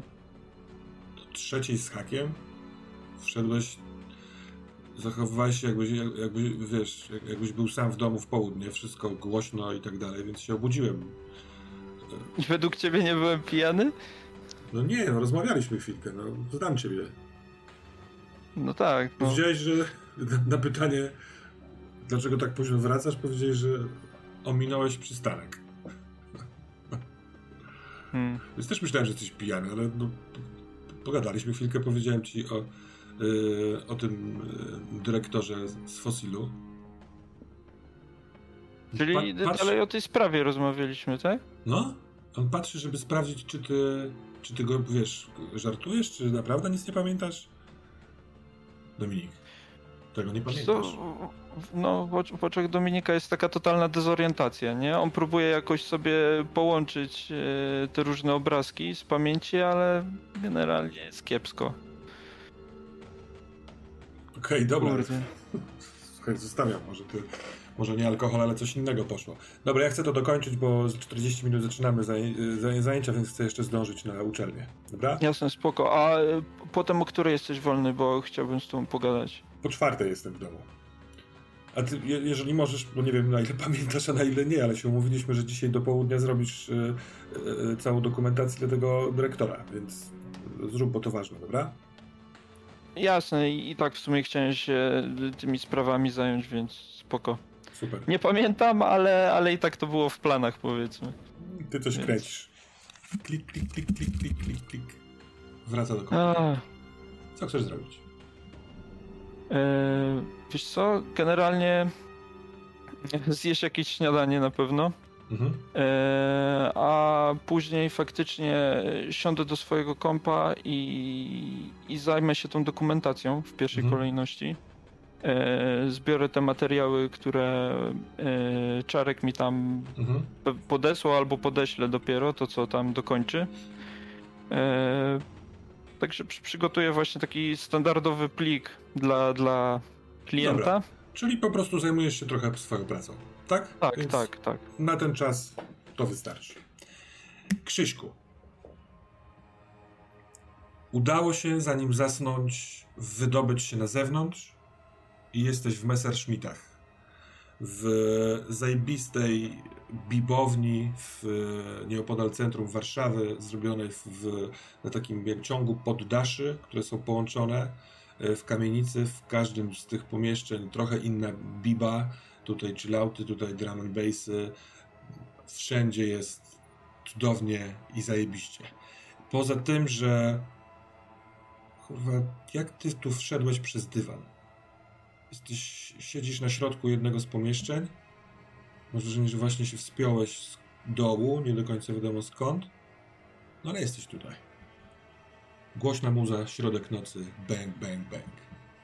Rozglądam się dookoła, próbuję Mhm. sobie przypomnieć, kurwa, kiedy, kiedy ja tu byłem ostatnio? Przecież, przecież ja tu, nie wiem, 8 lat temu, 7, No, gdzieś tak. patrzę, patrzę kierunku baru, może ktoś... Właśnie uświadamiasz sobie, ile czasu upłynęło i obrazek, który widzisz, zadaje temu trochę kłam, bo na fotelu yy, przy takiej stojącej lampie yy, siedzi sobie osoba, którą znasz z tamtych czasów. Tylko, że ona się nie postarzała o te 8 lat. Kto to jest? Mm, to jest, to jest, e, to jest mój kumpel ze studiów. Mhm. Jak on się nazywał? Jak on się nazywał? Piotr? Piotr? Studiowaliśmy razem, ale co się z nim stało? On patrzy na ciebie i się uśmiecha. Wycelowaną w twoją stronę ma taką długą, drewnianą fajeczkę. On bardzo lubił e, e, udawać takiego trochę fancy, wiesz, birbanta, więc palił na przykład haszysz z bardzo długiej fajki i wycelowuje w twoją stronę fajkę, śmiejąc się. On został na, farmacy, na, na farmacji. Ciebie wywalili, a on został. A potem chyba kontakt się urwał, a może nie. Ale teraz to jest kolega ze studiów. Podchodzę do niego, idę, wstaję, zaczynam iść w jego kierunku. Mhm. Piotr, ty, ty, ty, ty stary hipsterze, co tu robisz? Co ja tu robię? Jak ty się tu znalazłeś? Kurwa, wszedłeś przez dywan. Ja jeszcze tak się obracam, jeszcze raz patrzę w to miejsce, z którego przyszedłem. Dość duży dywan z takim e, okrągłym, wiesz, wzorkiem na środku, odchodzącymi jakimiś tam elementami, ale jak patrzysz, to muza taneczna, techniczna, wrażenia sprzed chwili z tego dziwnego korytarza, te narko, które cię cały czas trzyma, teraz jest, akurat jesteś wybudzony y, y, szokiem, sprawiało, że ten cały y, y, symbol na środku dywanu się kręci i wiruje. Trochę ci się robi niedobrze. Łapię się za brzuch, za, za ten, mówi sta, stary, muszę, kurwa, gdzie to jest kibel? I zaczynam biec na, na pamięć, bo mam, mam tą ścieżkę w głowie. Aha. Byłem On tam. Trochę się przejął i, i, i, i idzie, z, idzie z tobą, prowadzi cię. Y, trzyma rękę na, na ramieniu. Y, d- wyluzuj, wyluzuj, wyluzuj. A, chyba coś przegiąłeś, co? Skręcacie z tego pomieszczenia w korytarz łączący dwa różne przy te poddasza i tam w tym drugim poddaszu jest y, toaleta. Ale kiedy dochodzicie do tej toalety, to trochę ci się uspokaja. Tym bardziej, że wchodzicie do następnej części tej knajpy i tam z kolei bardzo cicho muzyka klasyczna. I sporo bardzo różnej młodzieży, trochę starszych ludzi siedzi na takich pufach pod ścianami. Yy, Z sufitu wisi yy, lampa składająca się z kilku takich patyczkowatych yy, gałęzi, na których są różnokolorowe żarówki. Ona się powolutku kręci, robiąc przedziwny miraż świateł. Śmierdzi tu trawą, a może pachnie. A może rzuć sobie na swojego narkomana. Piotr ma haszysz w fajce obok, to wszyscy są zjarani. E, czekaj, to jest dwa, czyli dziesięć. Czyli Czyli 10, czyli chyba hmm, już tam idę. Eee... Dobra. Kiedy do, docieracie do łazienki, to on cały czas uśmiechając się, ten 8 lat młodszy od ciebie teraz typ, właśnie przypala sobie fajkę. Unosi się czarniutki dym haszyszowy. E, Tobie się zrobiło lepiej, ale jak chcesz, to możesz wejść do łazienki. Bardzo masz ochotę, e, albo inaczej, w tym miejscu wielokrotnie paliłeś z nim różne rzeczy, ale ten dym jest trochę zbyt czarny. Powinien być siwy, a jest czarny. mm, Co wiesz co, tak, y, patrzę na Piotra, mówię, stary, co, co ty masz za towar? Dobre to jest? To jest, Cudowne. to jest. To jest haszysz. Zawsze mam ten sam haszysz. Chcesz, Macha? No tak, ale czemu on, czemu on ma taki ciemny dym? Sam jesteś ciemny dym. Kurwa, ciemny dym. Człowiek wchodzi na imprezę przez dywan i widzi ciemny dym. No ale pomimo to y, mówię, ty obstaw bucha, bo naprawdę, muszę, ja muszę się wyluzować. Dobra. Podaję ci ustnikiem w twoją stronę i zadaję ci to pytanie, które huczy, huczy, huczy we wspomnieniach. A masz tę mieszankę, co miałeś mieć? Czujesz, że na ramionach cały czas masz plecak Nike'a? Ważny plecak, ciężki. Ale pytanie jest sprzed 8 lat. Masz ze sobą tę mieszankę, czy nie masz?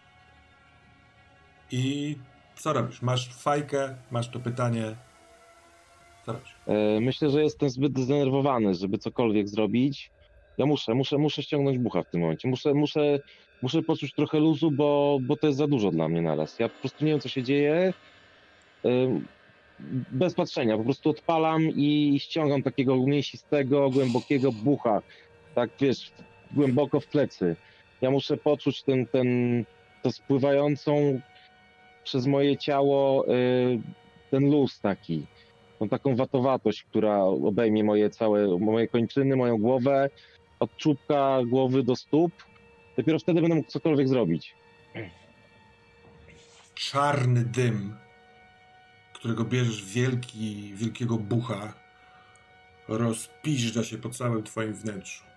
I o ile chcesz te, te, tym wrażeniem, wiesz, odciąć zabić te, ten niepokój, to po chwili masz wrażenie, że tak jakbyś, wiesz, prosto z komina lokomotywy starej parowej brał bucha. Eee, szpilki wbijane od wnętrza w oczy, w, e, wszystkie włoski na, wszędzie stają, e, robisz wręcz krok do tyłu, Piotr łapie cię, hej, hej, ale e, ślizgają się jego palce na twoim t-shircie.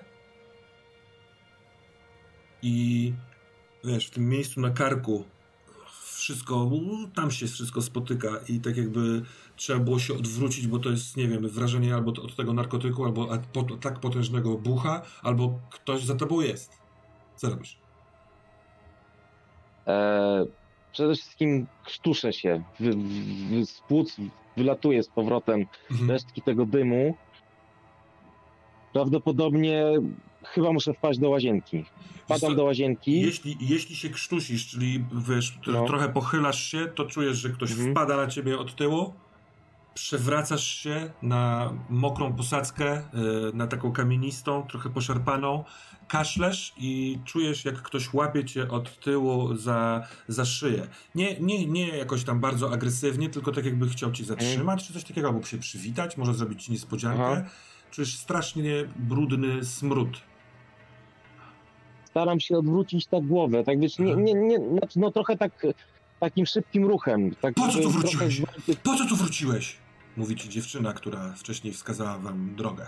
Jest bardzo blisko, e, ściska cię mocno za, za kark. Teraz przez to, że jest blisko, kiedy mówi, to widzisz, że ma absolutnie popsute e, zęby. Nie ma tam bieli. Jest wystraszona. Nie idź tam, zwariowałeś? No chodź! I wstaje i próbuje cię ciągnąć. Znowu jesteś w tym korytarzu. Tam, gdzie na początku. Tak. Yy, odwracam się, rozumiem, że już tam ona stoi, za, znaczy już przodem do niej Ona- stoi, tak? Ona jest e, w te, takim trochę panicznym stanie i ona cię ciągnie, więc y, y, musisz coś zrobić albo będzie cię ciągnąć, wiesz, na ziemi, bo ty się przewróciłeś na ziemię. A, okej, dobra. Yy, wiesz co, to tak, próbując się podnieść, krzyczę do niej, oszukałaś nas, okłamałaś nas. Miałaś pokazać nam wyjście. Pokazałam ci, przecież ty wyszedłeś pierwszy. No wyszedł za tobą, wyszedł tam, gdzie chciał wyjść, no. Bo a ty, a ty wróciłeś Przecież- zaraz. Przecież, przecież w Messerschmittach byłem. W jakich Messerschmittach? Coś cię tu ciągnie? Nie pozwól temu, nie rozumiesz? Ciszej w ogóle mówmy. Chodź stąd, bo oni zaraz wyjdą. Kto wyjdzie? Gdzie, gdzie jest to wyjście? W ogóle, gdzie, gdzie, gdzie ty mnie ciągniesz? Do, do niego z powrotem, tam za mną, no wylazłeś jak debil i szedłeś tutaj. Cicho, cicho, cicho, cicho, cicho, No. cicho. I wychyla się, tak jakby chciała zobaczyć coś za tobą. Widzisz, że twarz jej się bardzo zmienia. Odwraca się od ciebie i biegnie w stronę tam, gdzie cię ciągnęła. Czyli w przeciwną stronę niż ty szedłeś. Co robisz? Yy, jeszcze raz tak się otrząsam, Mhm. biorę głęboki wdech i zaczynam biec za nią. Biegniesz za nią. Tak. E, ona jest zwinna, w, w sensie taka sprawna w tym miejscu, a może, może po prostu nie jest naćpana, więc widzisz, że nawet trochę się oddala. Ma w taki niepasujący do sytuacji sposób podciągniętą lekką sukienkę, żeby ona się nie zaczepiała o buty i biegnie, biegnie, biegnie, biegnie, biegnie i w momencie, kiedy skręca w prawo w jakiś, jakąś odnogę korytarza, przez co znika, ale jest tam, wiesz, trzy kroki od ciebie, to słyszysz za sobą, który niesie się echem po tym korytarzu. E, biegnę dalej, biegnę za, za, za załą, tak jak ona Mhm, pobiegła. Dobra, więc wpadasz za ten załom, a tam nie ma korytarza, tylko są takie powiedzmy dwa kroki w, w, w głąb i widać cegły. To jest takie, taki właśnie załom. Jest na wysokości powiedzmy pasa y, murek. Tak jak ona wcześniej mówiła, można wchodzić na ten murek, żeby uniknąć czegoś, wody jakiejś, tak? Tego, co tutaj leją, tylko że jej tu Mhm. nie ma, a nie ma stąd przejścia.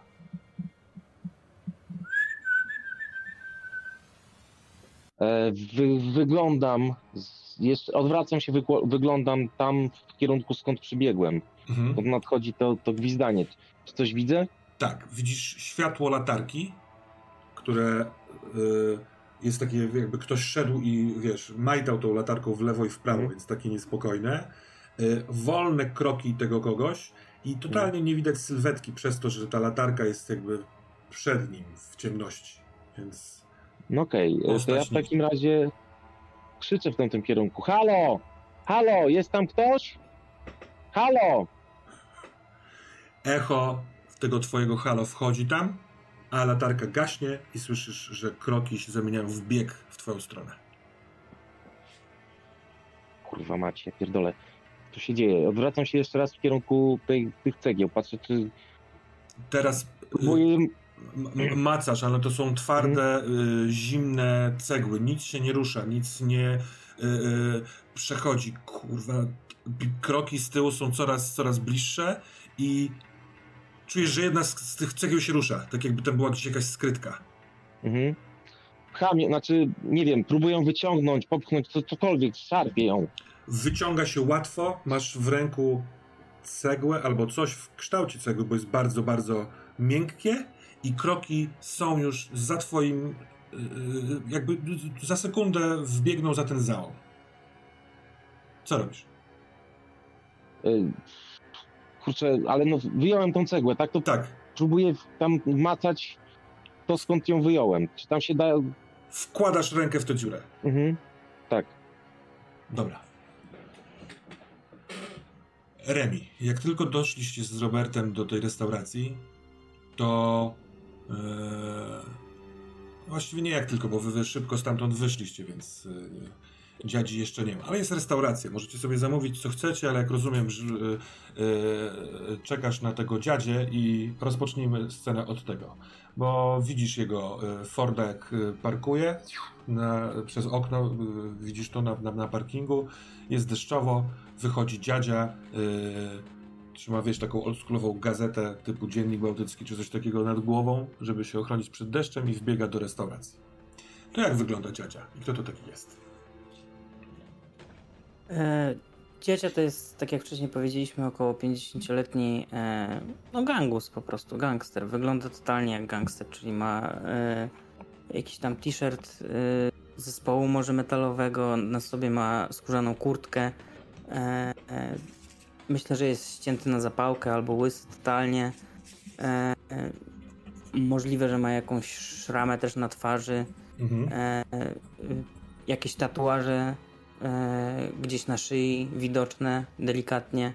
Nic na twarzy, ale na szyi myślę, że może mieć jakieś takie więzienne tatuaże typowo e, takiej słabej jakości właśnie z więzienia.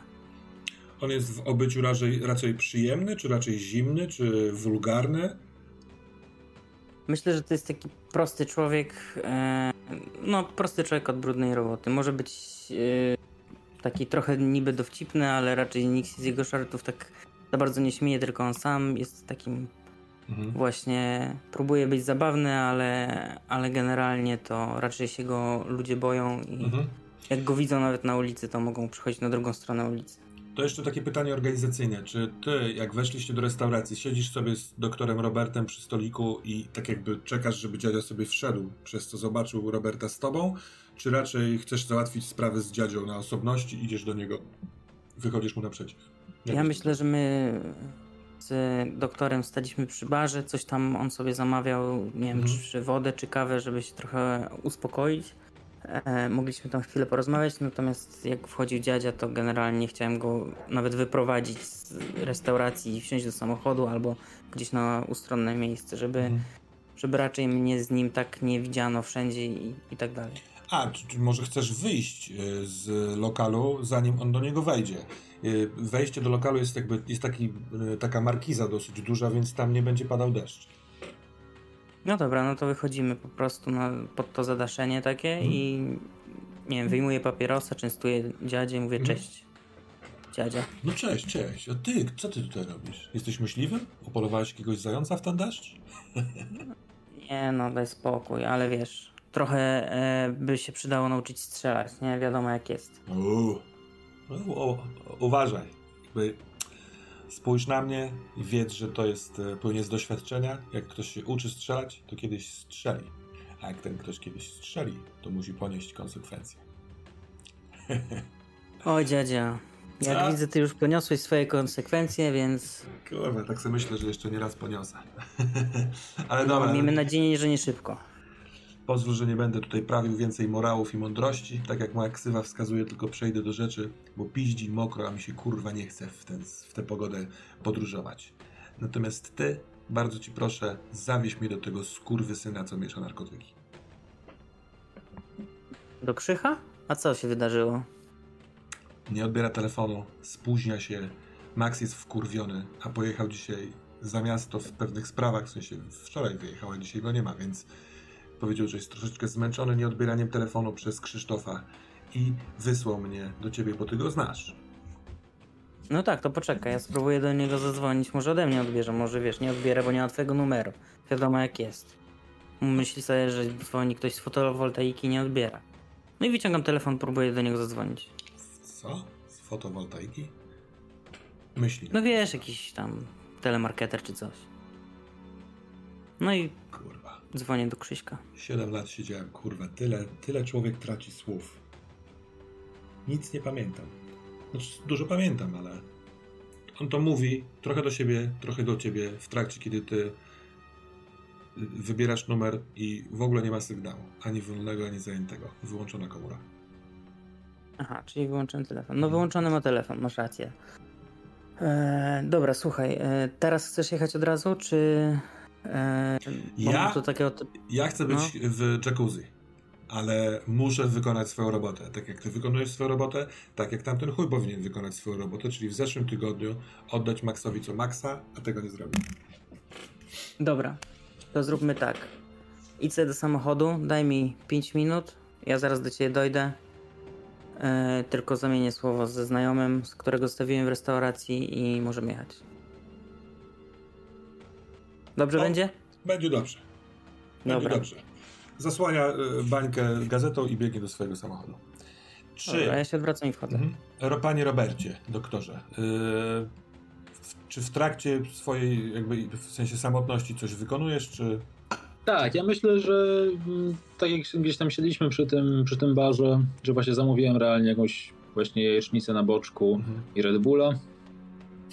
Popiłem sobie tego, Doktor medycyny. Popiłem sobie tego Red Bulla. Jakoś dyżury trzeba, trzeba było przetrwać, szczególnie na Oczywiście. rezydenturze. E... I taką pewnie no, z dobrą minutę gdzieś walczę ze sobą wciąż gdzieś tam mając rękę zaciśniętą na tym, na tym telefonie, pewnie nawet Mhm. go nie schowałem, jakby przez cały ten, te kilka minut przejścia, Mhm. zamawiania, pewnie nawet, nawet go nie schowałem, czym gdzieś właśnie po, po jakiejś takiej chwili wahania odwracam ten telefon z powrotem, naciskam guzik, on się jakby na, na moją twarz po, po Face ID odblokowuje Mhm. i jeszcze raz patrzę na to zdjęcie i pewnie to jest też ten moment, kiedy, kiedy mam szansę dostrzec, że tam też jest jakiś tekst, Tekst. poza tym wszystkim. Mhm. Tekst jest króciutki, więc nawet patrząc na zdjęcie, w sensie wie, wiesz, co tam jest napisane. Karolina napisała, ale podobny typ i uśmieszek. Ale sam, sama kolorystyka tego zdjęcia, to, to rozmazanie y, od razu sprawia taki właśnie przez chwilkę znów masz, wiesz, po, niemal poparzone ręce i ten taki, ale spokojnie, już jesteś teraz tu w knajpie, więc bo, bo, bo, bo, masz przed sobą zdjęcie. To ja od razu dzwonię. Aha. Cześć, cześć. Niezły, co? Karolina, przepraszam cię. Co? Za co? No, wiesz co, chyba, chyba nigdy ci tego nie powiedziałem, ale jakoś jak zobaczyłem to zdjęcie, sobie uświadomiłem, jak bardzo też ty musiałeś mieć w domu przejebane przeze mnie. Robert, wszystko w porządku? Gdzie ty jesteś? W knajpie siedzę. O, przed 11 siedzisz w knajpie? Ro Robert, co się dzieje? Ty jesteś trzeźwy? Tak, na śniadaniu jestem. Aha. Ty no, Dziwne nie musisz mnie przepraszać. Wiesz o tym. Wiem, wiem, wiem. Przepraszam ja ciebie, że nie wiedziałem, że jak wyślę ci takie zdjęcie, to trafiłam przez przypadek przy swojej robocie. Gdzie to znalazłeś w ogóle? Wiesz co, no jestem jeszcze na macierzyńskim, ale biorę takie jakieś malutkie fuchy i dostałam paczkę fotografii od ZTM-u, tego tam zakładu transportu, kurwa, whatever. Yy, No bo chcą zrobić jakieś takich kilka reklamowych rzeczy do internetu i mam poznajdywać ładne zdjęcia i po, pokolorować graficznie. No wiesz, taka robota. No i wśród nich, a, a widziałeś zdjęcie, jakie jest artystowsko poruszone? Król Photoshopa. Ale to ty, czy, czy takie Nie, dostałeś? nie, takie dostałam, no bo ktoś im zrobił, pe- pewnie zapłacili za to, ale stwierdzili, że jest brzydkie, więc chcą, żeby ktoś to poprawił. No więc tak sobie dziubię, dziubię, dziubię, dziubię, patrzę, a tutaj taka twarz. No ale nie chciałem cię wytrącić z, z równowagi, mam nadzieję, że wszystko w porządku. Wiesz co, jakoś... Wciąż to we mnie siedzi. No słyszę.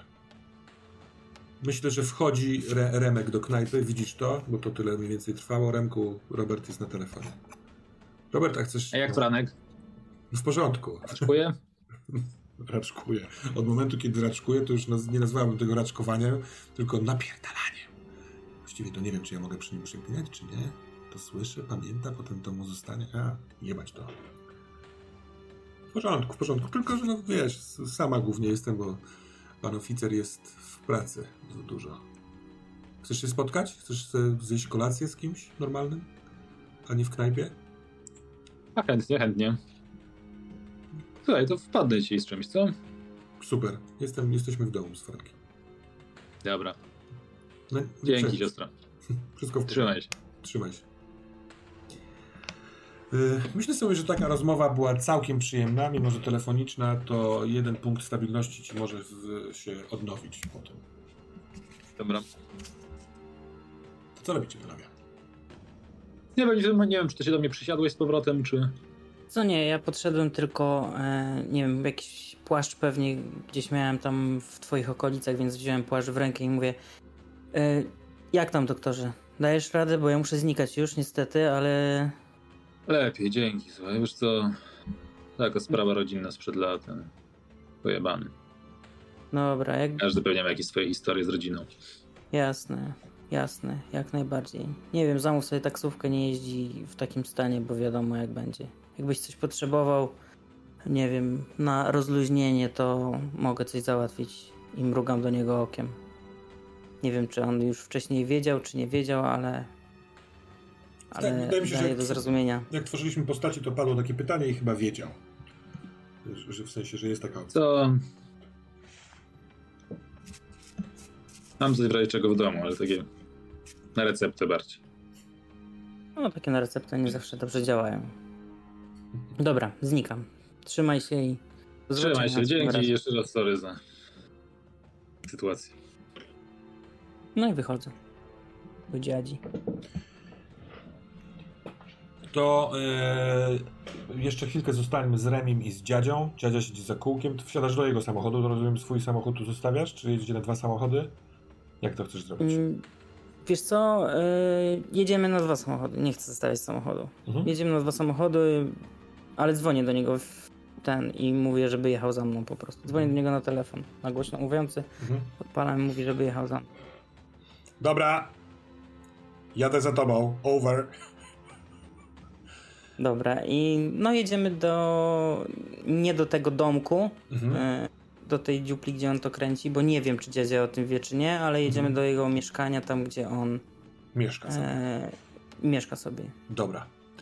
To y, Krzyśku, czy mógłbyś nam powiedzieć, gdzie w Gdańsku mieszkasz? Jakoś tam przynajmniej naokoło albo jakoś ilustracyjnie. Nie musi być to valid adres.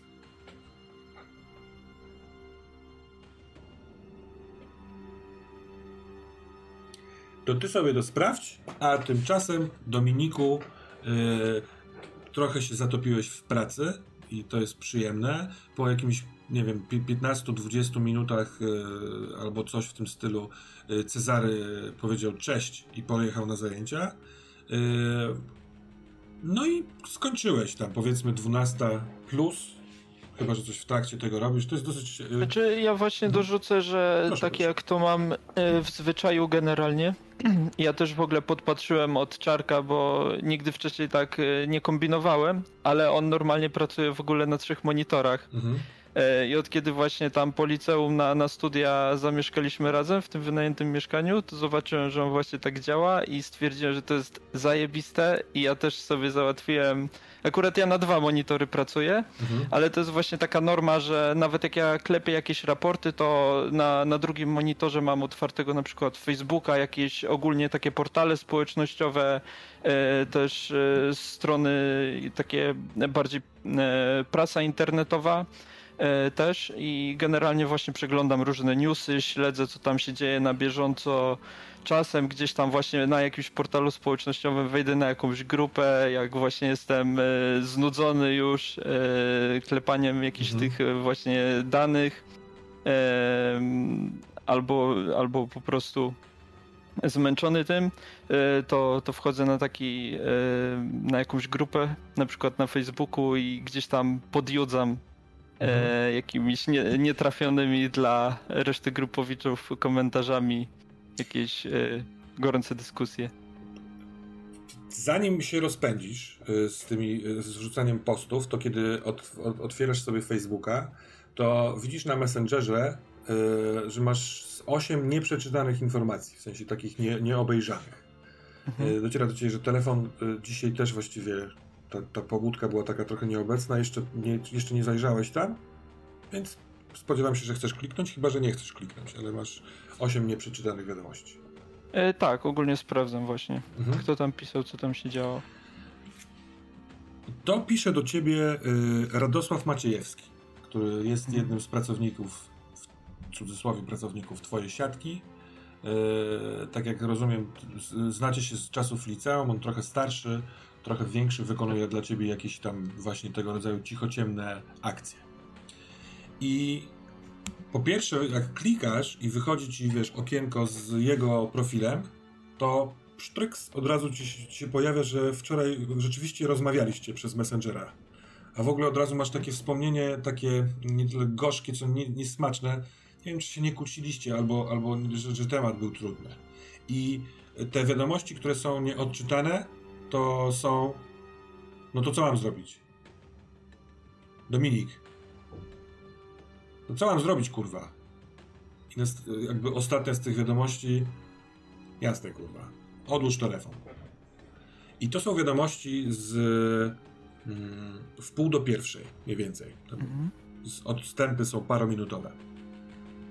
Jasne.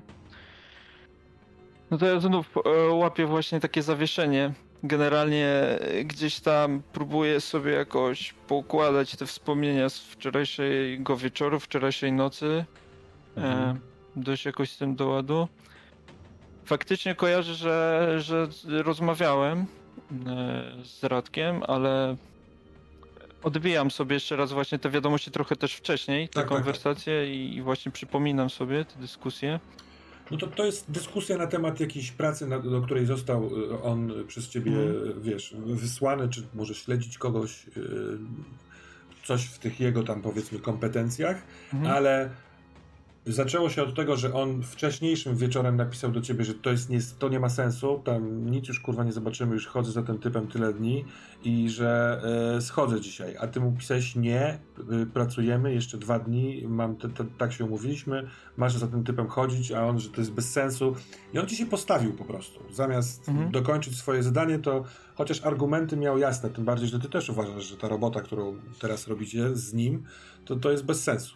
Tylko, że ty wychodzisz z założenia, że trzeba do, zrobić swoje do końca, żeby klient nie powiedział, że ojejku, a ostatnie dwa dni gdzie? A Radek stwierdził, że to jest świetny moment, żeby na Messengerze się postawić. Więc ta rozmowa trochę trwała i powiedz mi, jak ty się przemieszczasz po mieście? Na przykład, gdybyś skądś wracał wieczorem do domu, to jedziesz jakimś Uberem, czy nie wiem, jakimiś środkami miejskimi, czy masz rower? A wiesz co, generalnie za dnia to często komunikacją miejską, Mhm. e, bo wtedy akurat e, nie ma większych problemów z tym, ale faktycznie jak gdzieś tam wieczorem, nocą wracam, to, to raczej Uber, bo jest dużo wygodniej. Z reguły też jestem zmęczony albo czasem podpity właśnie i nie chcę się telepać e, bez sensu środkami miejskimi. To, to w takim wypadku, przeglądając te wiadomości, masz taki flashback, że piszesz te rzeczy z tyłu samochodu. Yy, Mhm. Właśnie z, w, w Uberze. Pachnie tą choin- choinką pod lustrem, leci jakiś disco w, w RMF FFFM Max i yy, to tu? Pyta kierowca. Ty powiedziałeś to tu, patrząc przez okno i w tym wspomnieniu, kiedy patrzysz przez okno, to ten, to wspomnienie ci się urywa. Nie wiesz, dokąd Mhm. dojechałeś. Ale pisałeś to jadąc samochodem. Okej. Em, Dobra. Ja mam teraz właśnie mętlik w głowie, generalnie dużo myśli się przewraca, bo mnie też frustruje to, że nie mogę sobie ułożyć ogólnie tych wspomnień i cały czas jakieś luki są, E, ale widzę tę ważną e, rozmowę z Radkiem, więc generalnie mu piszę, że e, nie odstawiamy kurwa żadnej fuszerki. Robota ma być zrobiona na 100%. Nawet jak da radę to na 120. Tego nie wymagam. E, jak masz z tym nadal jakiś problem, możemy się spotkać, pogadać. To mu wysyłam. Mhm. I od razu widzisz w tym takim dolnym rogu, że zostało to odczytane. Ale nie ma odpowiedzi. Okej, to ja przyjmuję, znaczy zakładam, że jeżeli w najbliższym czasie nic nie odpisze, to przyjął do wiadomości, no. Mhm. Potem się z nim rozmówię tak czy siak, y, co, co, co z tym zrobił. Em, Czy tobie się zdarzały wcześniej takie sytuacje, że nie wiem, czy, czy Dominik jest typem, który czasami odpłynie na imprezie albo weźmie coś, co sprawia, że mu się urywa film? Czy to jest, na ile to jest wyjątkowa sytuacja, a na ile nie? To jest dosyć wyjątkowa sytuacja. To znaczy, w liceum, jeszcze tam pod koniec liceum na przykład, mu się zdarzały takie akcje, bo tam gdzieś e, trochę luźniej do życia podchodził, ale od kiedy od początku mniej więcej studiów e, wpadł na pomysł e, kręcenia tutaj z e, tą grupą swoich znajomych tego interesu, Mhm. to raczej zawsze stara się mieć rękę na pulsie, wszystko pod kontrolą. No nie zawsze mu wychodzi, czasem robi dobrą minę do złej gry, ale na pewno nie pozwala sobie na to, żeby znaleźć się w jakiejś sytuacji, gdzie nie będzie świadomy tego, co robi. Mhm. Więc to jest dość e, dla, dla niego nowe, powiedzmy, doświadczenie i generalnie no, jest tym mocno zaniepokojony. Okej. No i dodatkowo dochodzi ta frustracja właśnie, że czegoś nie pamięta. Em, e, Do, e, jeszcze właśnie w tej, tej kwestii tutaj mm, z Radkiem to e, dodatkowo e, łapię frustrację, ponieważ em, dwa dni temu właśnie e, Grzesiek dawał mi znać, e, inny właśnie znajomy, który często zajmuje się fotografowaniem na przykład, Mhm. właśnie różnych takich, e, szukaniem haków e, Mhm. i, i uwiecznianiem tego właśnie poprzez fotografowanie. E, On mi dawał znać, że, że Radek coś kombinuje, że, że on tutaj kręci e, i ja to na początku olałem, ale to jest ogólnie e, temat, który ja bym chciał dzisiaj z Czarkiem poruszyć. Aha. No bo Czarek też jest w zasadzie moją taką prawą ręką, on też poza mną dużo też się ko- kontaktuje z w zasadzie wszystkimi ludźmi z tej naszej siatki. I, I też no po prostu czasem w zasadzie mi nawet przekazuje jakieś zdania, które w rozmowie ze mną e, od innych by nie padły. E, więc generalnie jakoś tam staramy się właśnie zażegnywać te, te wszystkie konflikty, żeby to, to wszystko sprawnie e, działało. Słyszysz klakson za oknem, taki yy, niecierpliwy. Te, te, te, te, te. I uderzenie. Uderzenie nie tyle e, kojarzące się z potrąceniem kogoś czy z wypadkiem, to po prostu ktoś w coś, w jakiś, nie wiem, blachę czy coś takiego, może w samochód uderzył. Mhm. E, Wyglądam przez okno. Ogólnie, czy, czy właśnie widzę ten fragment Mhm. ulicy? Co się stało?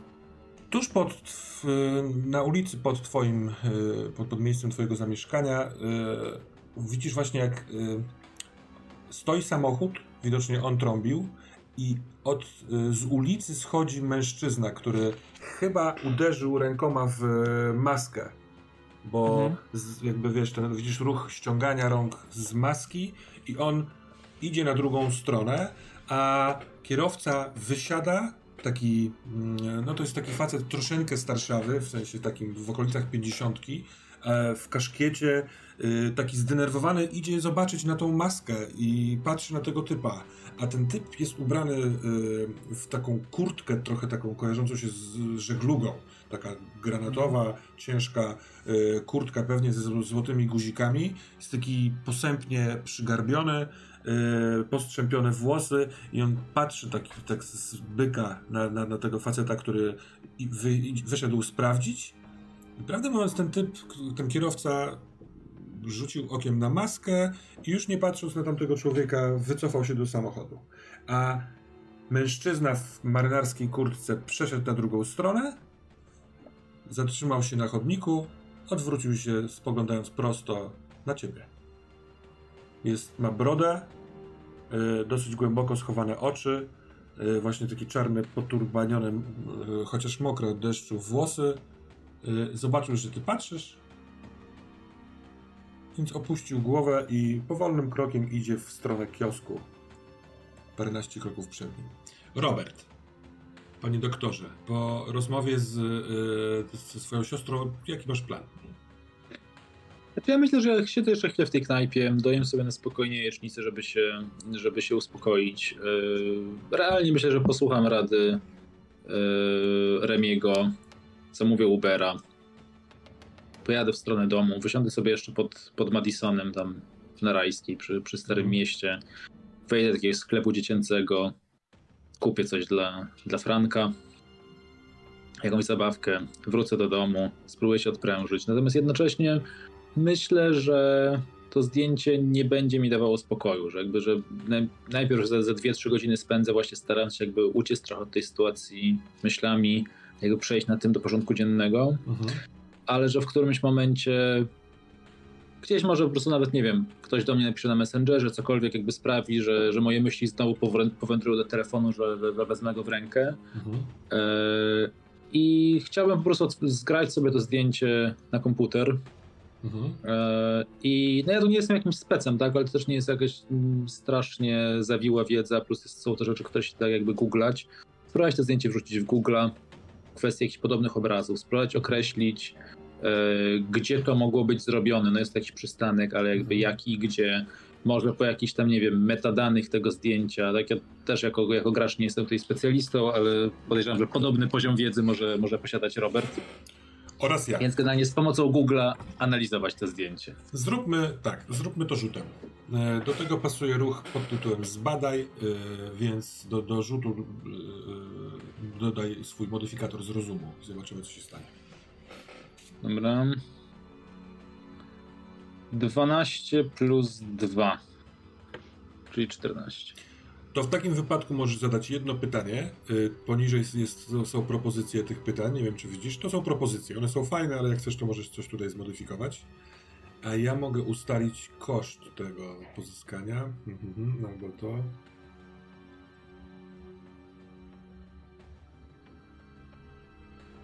Mhm, dobra.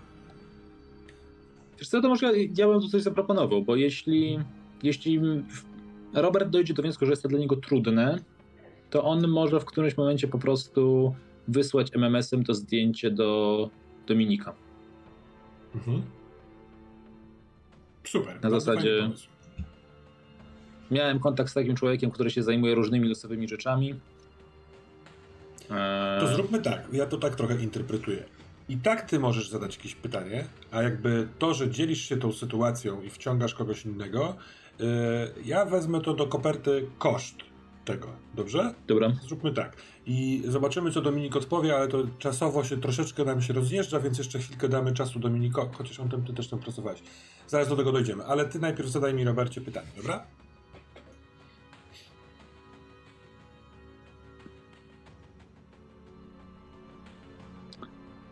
Te pytania średnio pasują do sytuacji. Mhm.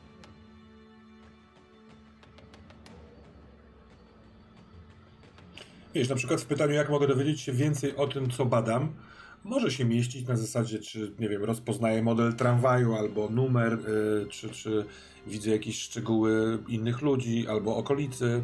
Sądzę, że to tak można ro- rozumieć. Okej, nie? dobra. No, To, to w tę stronę pójdźmy. Myślę, że to będzie jakby najłatwiejsze też do, do wyhaczenia po prostu. Jakieś takie próba określenia w ogóle, gdzie, gdzie to było zrobione, albo, Mhm. albo kiedy, albo jedno i drugie. Więc taka jest odpowiedź. Mm, Po, jak wiesz, Rick Deckard w Blade Runnerze, po przybliżaniu poszczególnych e, kratek i, i tak dalej, ale rzeczywiście, jak sobie powiększasz w pewnym momencie, to widzisz, że e, jest taka przerwa pomiędzy ludźmi i pasażerami w tym tramwaju, przez co widać, co jest przez, z drugiej strony okna za oknem. I nie, nie jest to Mhm. bardzo charakterystyczne, rozpoznawalne, ale y, przez barwę y, rzuca się w oczy. To jest taka czerwień blachy, która, y, którą zdobione są przystanki y, pomorskiej kolei metropolitarnej. Taka kolejka, która sobie jedzie przez miasto w stronę lotniska, to przystanki są zrobione z takiej właśnie czerwonej, stylizowanej, w sensie takiej, nie wiem, porzeźbionej blachy i to jest to, więc albo to jest przystanek na tym, w takim miejscu, albo jakby jeden obok yy, przy którejś ze stacji PKM. Więc kwestia jest tylko zrozumienia, przy których stacjach PKM-ki zatrzymują się tramwaje, bo tego też nie jest dużo, żeby to spleść ze sobą. I i wychodzi ci, że tak naprawdę jest, może to być przystanek Strzyża PKM. Bo na, tej, na tym przystanku jest pętla tramwajowa i jest właśnie ładnie eksponowana ta taka czerwona blacha PKM-ki. Yy, to może być to miejsce. I wysyłasz to zdjęcie do Dominika, żeby on sprawdził, oszacował, tak? Z takim pytaniem, co, co to może być więcej. Hmm? Tak, ja na zasadzie właśnie kiedy, kiedy to mogło być zrobione, kto to mógł zrobić może, Mhm. może Dobra. gdzieś właśnie z jakichś, podrzucam, że może, może z jakichś metadanych tego zdjęcia, bo gdzieś Robertowi kołacze pojęcie po, po głowie, ale Mhm. sam nie do końca umie coś z tym więcej zrobić. Może jesteś w stanie coś wyciągnąć. Dobrze. Na chwilkę zaglądamy do dziury w ścianie, w którą rękę włożył Krzysiek. W tym dziwnym miejscu. I w momencie, kiedy wkładasz dłoń w dziurę, to czujesz pod spodem tam e, materiał, sweter, ciało.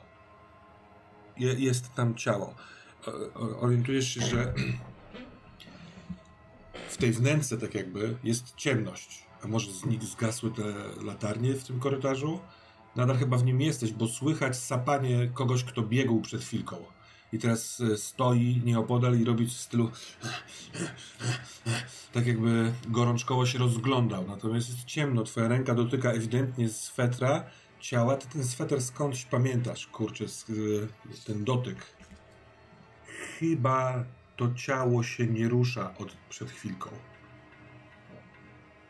To jest ciepłe ciało, jak takie żywe. To jest cie, ciało, czy- ciepłe ciało, ale jeśli dobrze pamiętasz, zaraz będzie zimne. E... Co, ja próbuję tak całym, rozumiem, że, bo to wkładam rękę przez tą, przez tą cegłę, tak, czyli przez jeden otwór cegły. Nie ma ściany i nie ma cegieł. Nie ma Teraz, ściany. kiedy o tym pomyślałeś, to Okej. kucasz w ciemnym pokoju i, i masz dłonie na mostku. Ni- Aha, okej, no. E, dłonie na, na mostku Tak. osoby. Tak. Próbuję ją reanimować. Mhm. Próbuję, jak to było? No. 50, nie, 30, kurwa, ile to było? To, kurwa, wiesz, tak panicznie, bez, bezładnie, co jakiś czas zaczynam szukać ust w tym, tym Mhm. otwierać, próbować y, dmuchiwać powietrze. Kurwa, jak to się robiło? Jak to się robiło? Trzeba dzwonić. Nie, nie mogę dzwonić. Nie, nie, nie mogę, nie mogę zadzwonić. Ja pierdolę, co? Nie. I w, tak, w takiej panice próbuję reanimacji, a jednocześnie cały czas mi w głowie siedzi, że ktoś jest za mną przecież. Mhm. Tutaj ktoś jest, coś się dzieje. Więc cały czas jest ten e, o- oddywany, właściwie zadyszany oddech, szukający za tobą. Masz wrażenie, że czujesz zapach znowu śmierdzący i brudny. E, po kilku naciśnięciach na mostek, który tak naprawdę ta, ta klatka piersiowa niespecjalnie reaguje, rzeczywiście wymacałeś e, twarz, e, zarost, znasz ten sweter, ten mostek, ten, ta twarz, e, ale e, wdychasz, wdychasz powietrze. Raz za razem te policzki się nadymają, jeszcze raz, jeszcze raz, e, kiedy chcesz skończyć, żeby przejść znów do naciskania na mostek i cały czas e, te, te myśli, o których powiedziałaś się kole, ko, kołaczą, to kiedy przestaje, odrywasz usta, to słyszysz e, znowu głos tej dziewczyny, która mówi jak najszybciej do drabiny. Zostaw mnie, ja sobie tu umrę. Do drabiny i spierdalaj. E, Jeszcze raz oglądam się szybko za tył, taki, takim szybkim, nie, nie, tak naprawdę nie patrzę, to jest taki odruch, żeby spojrzeć w tył i, i zaczynam biec przed siebie. W ciemności, szukając, macając, szukając ścian, szukając czegokolwiek. Jaka drabina? Gdzie jest ta drabina? Dobiegasz tych parę kroków, e, orientując się, że w momencie, kiedy odwróciłeś głowę, to ten oddech e, się zatrzymał i uderzasz dłońmi o ścianę. Ale czekaj, to nie ma cegieł. To nie jest ta chropowata, zimna ściana. To, są, to jest tapeta. To jest pomieszczenie jakieś. Zaczynam macać Mhm. ścianę, sz- szukam, tapeta to jest ściana, to jest, Tak, to jest do- dom, mieszkanie, tu musi być światło. tak. Szukam, szukam włącznika. Zapalasz światło.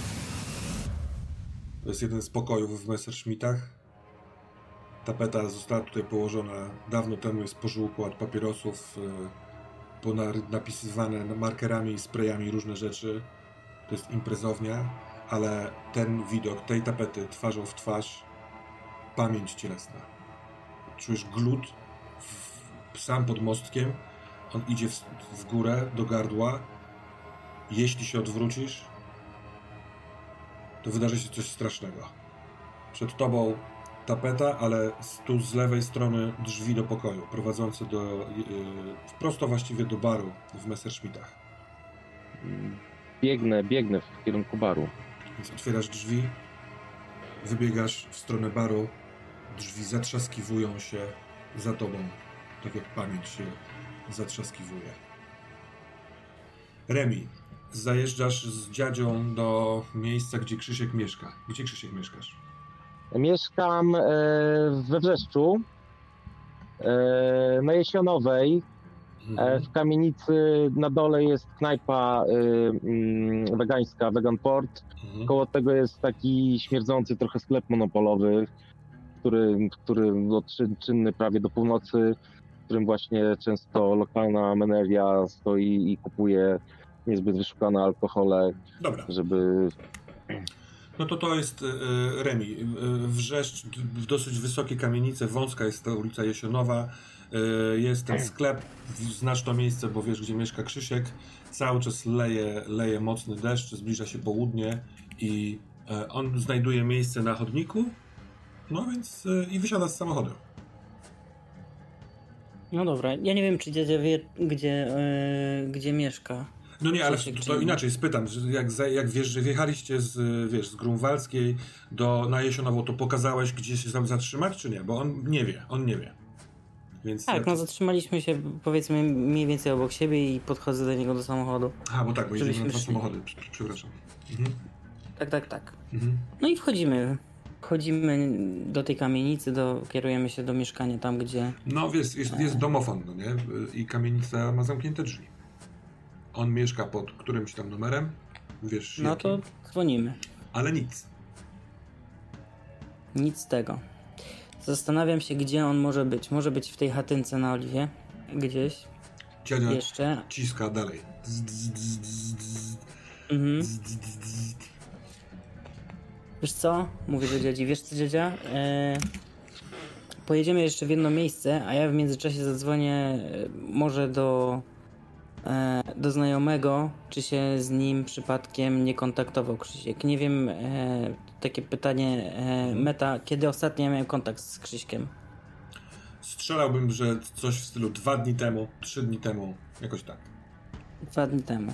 No dobra, i było w porządku z nim, w sensie, że tam... Tak. Dobra, Taki, więc zróbmy... y, y, wiesz, zwykły Krzysiek. Dobra, więc zróbmy tak, że jedź za mną, pojedziemy na Oliwę jeszcze w jedno miejsce, mówię do dziadzi to, a ja zadzwonię jeszcze do znajomego, zapytam, może się z nim kontaktował. Remi, I musimy, dzisiaj, zna- musimy go dzisiaj znaleźć. wiem dziadzia. Wiem, No dobra, a ja i tak będę ci to powtarzał. wiem dziadzia.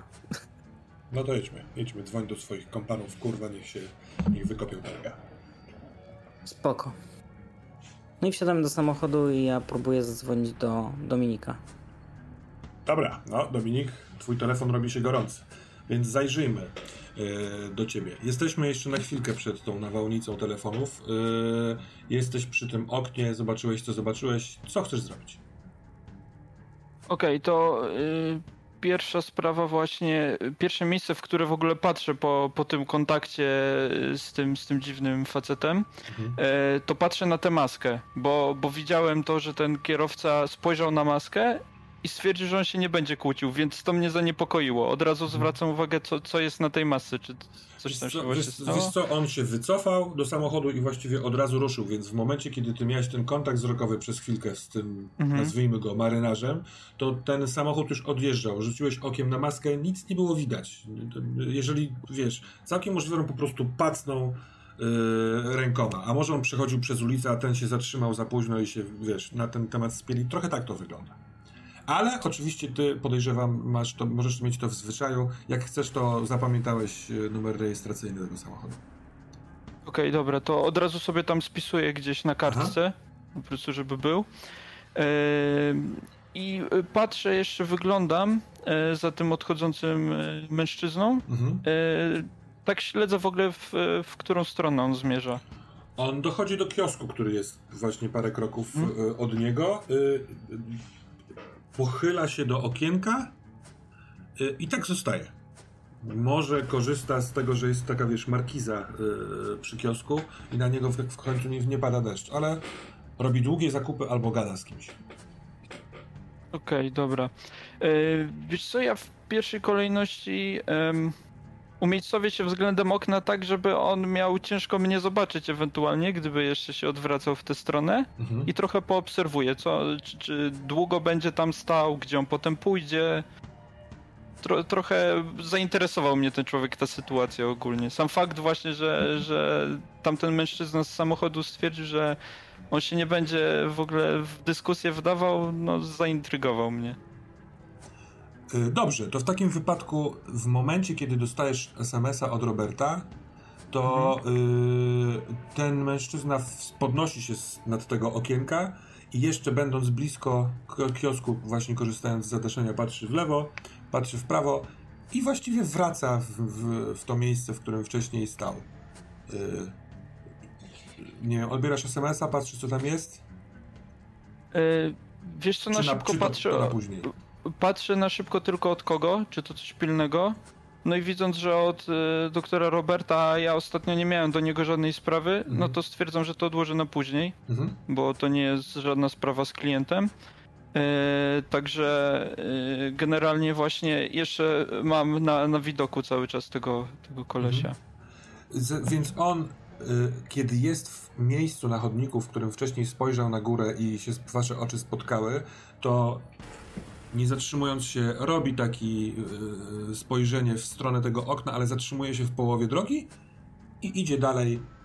Y, ciebie teraz spytam z kolei, jak jakie jesteśmy mniej więcej w miejscu miasta? Czy to są kamienice, Y, czy bloki, czy... E, e, Tak, wiesz co, to jest e, Dolny Wrzeszcz, Mhm. e, właśnie miejsce takie z kamienicami, to Mhm. e, ogólnie tam e, okolice e, Kochanowskiego. Mhm. Dobrze. To w takim wypadku on po prostu wychodzi, y, dochodzi do końca ściany kamienicy, skręca w taką stronę, że tracisz go z oczu. Natomiast jak, jak znika ci z oczu, to jesteś absolutnie pewien, że to jest człowiek, który ma przepięknie w dupie deszcz. Bo wszystkie te czynności wykonywał jakby spacerował sobie w słońcu, a pada naprawdę rzęsisty deszcz. Dobra. E, Ja trochę e, po prostu e, bardzo mnie zaintrygowało to, że on w ogóle tu wrócił e, w, w te okolice, gdzie, gdzie wcześniej tam nasze spojrzenia się spotkały i że on miał cały czas na uwadze to moje okno, Mhm. e, więc ewidentnie coś tu nie gra. E, Także ja po prostu szybko się zrywam, e, zgarniam kurtkę z wieszaka Mhm. Za, zamykam mieszkanie i wbiegam mniej więcej w tę stronę, gdzie on mi Przepraszam, zniknął. moment. Mhm. Może b- będziesz chciał zmienić zdanie, gdyż w przedpokoju, kiedy y, założywszy kurtkę, wkładasz nogę w buta, dzwoni twój telefon oraz twoja noga jest absolutnie mokra. Twoje buty są przemoczone. Czy odbierasz telefon, czy robisz coś z butami, czy zakładasz drugi but i biegniesz? Wiesz co, ten, ten drugi fakt, w sensie to, że te buty są mokre sprawia, że y, gdzieś tam właśnie y, zaklinam, kurwa. I y, ogólnie oglądam właśnie, co się dzieje w ogóle. Patrzę, że w tych butach jest woda. Mhm. W sensie, E, to nie tyle, że w nich jest woda, Mhm. tylko to są buty, w których. y, Przemoczone. Wiesz, tak, totalnie przemoczone. E, Tak, więc ja się znów zawieszam, próbuję sobie przypomnieć, co się w ogóle działo. e, Człap, człap, człap, długi, długi, uparty spacer z, y, w deszczu, w nocy. Wrzeszcz, w końcu wrzeszcz, człap, człap, zimno strasznie i to są takie strzępy, informacje przecinane drr, drr, telefonem. E, Tak, otrząsam się z tego, właśnie odbieram telefon.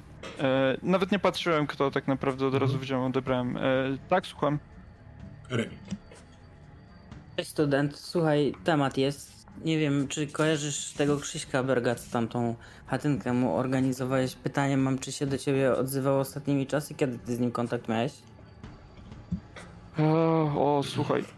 Powiem ci tak, e, trzy dni temu e, rozmawialiśmy chwilę, to na pewno. E, W kwestii właśnie tam e, dostarczenia mu. e, Ogólnie tam potrzebował jakiegoś sprzętu. Mhm. Ale mam o tyle ciekawą sytuację, że troszkę nie jestem pewien, co się działo wieczorem przed nim. E, długo by W gadać. sensie te trzy dni temu, czy, czy Nie, nie, nie, nie, nie. Te, te, tego wieczoru nie wiem, czy wtedy jeszcze z nim nie rozmawiałem. Tego ci nie powiem, bo, bo nie pamiętam z kim tam się No ja rozumiem, jest student, jesteś, wiadomo, że takie Trzy rzeczy dni się temu. zdarzają. Trzy dni temu, tak Trzy ustalmy. dni temu. Mówił coś gdzieś, że coś gdzieś wyjeżdża, że coś będzie robił, że coś tam, czy nic nie wspominał? Dominik, czasami tak jest, że osoba, z którą się często się nie, nie widuje, w momencie, kiedy pada imię i nazwisko w pytaniu czy czymś takim, to ups, przy- wiesz, twój interfejs, że tak powiem, pokazuje ci tą twarz. Więc w, roz, w trakcie rozmowy z Remim masz e, e, wspomnienie Krzyśka z miejsca, w którym nigdy z nim nie byłeś. To jest jakiś ciemny korytarz, jakiś światło, taka lampa w plastiku na ścianie i wygląda to jak jakaś piwnica i Krzysiek robi krok w twoją stronę, jest absolutnie wystraszony, takiego też go nie widziałeś, taki powykrzywiany, a ty go, wiesz, obejmujesz ramieniem, żeby mu pomóc. To jest taki momentalny flash, trochę tak jak przed chwilką to człap, człap, człap, tak jakby pamięć wychodziła. Na sekundę się zawiesiłeś, ale proszę kontynuujcie rozmowę. Mhm.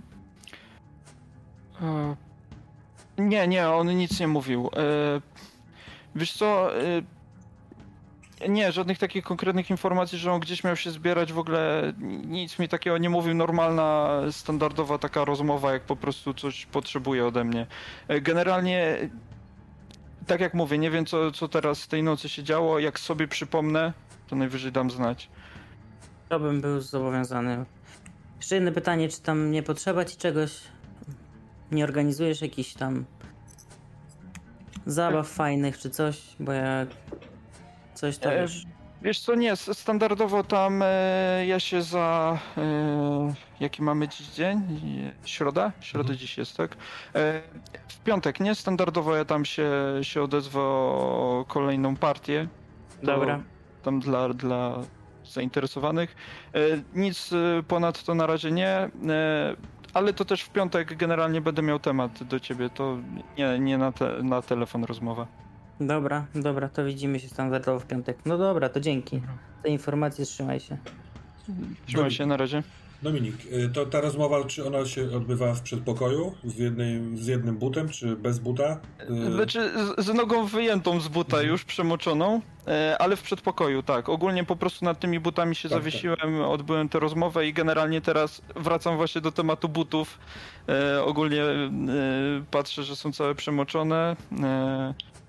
E, Ja wiem, że to jest banał, ale y, ty po prostu założyłeś buta i w ten sposób się dowiedziałeś, więc twoja skarpetka też jest mokra.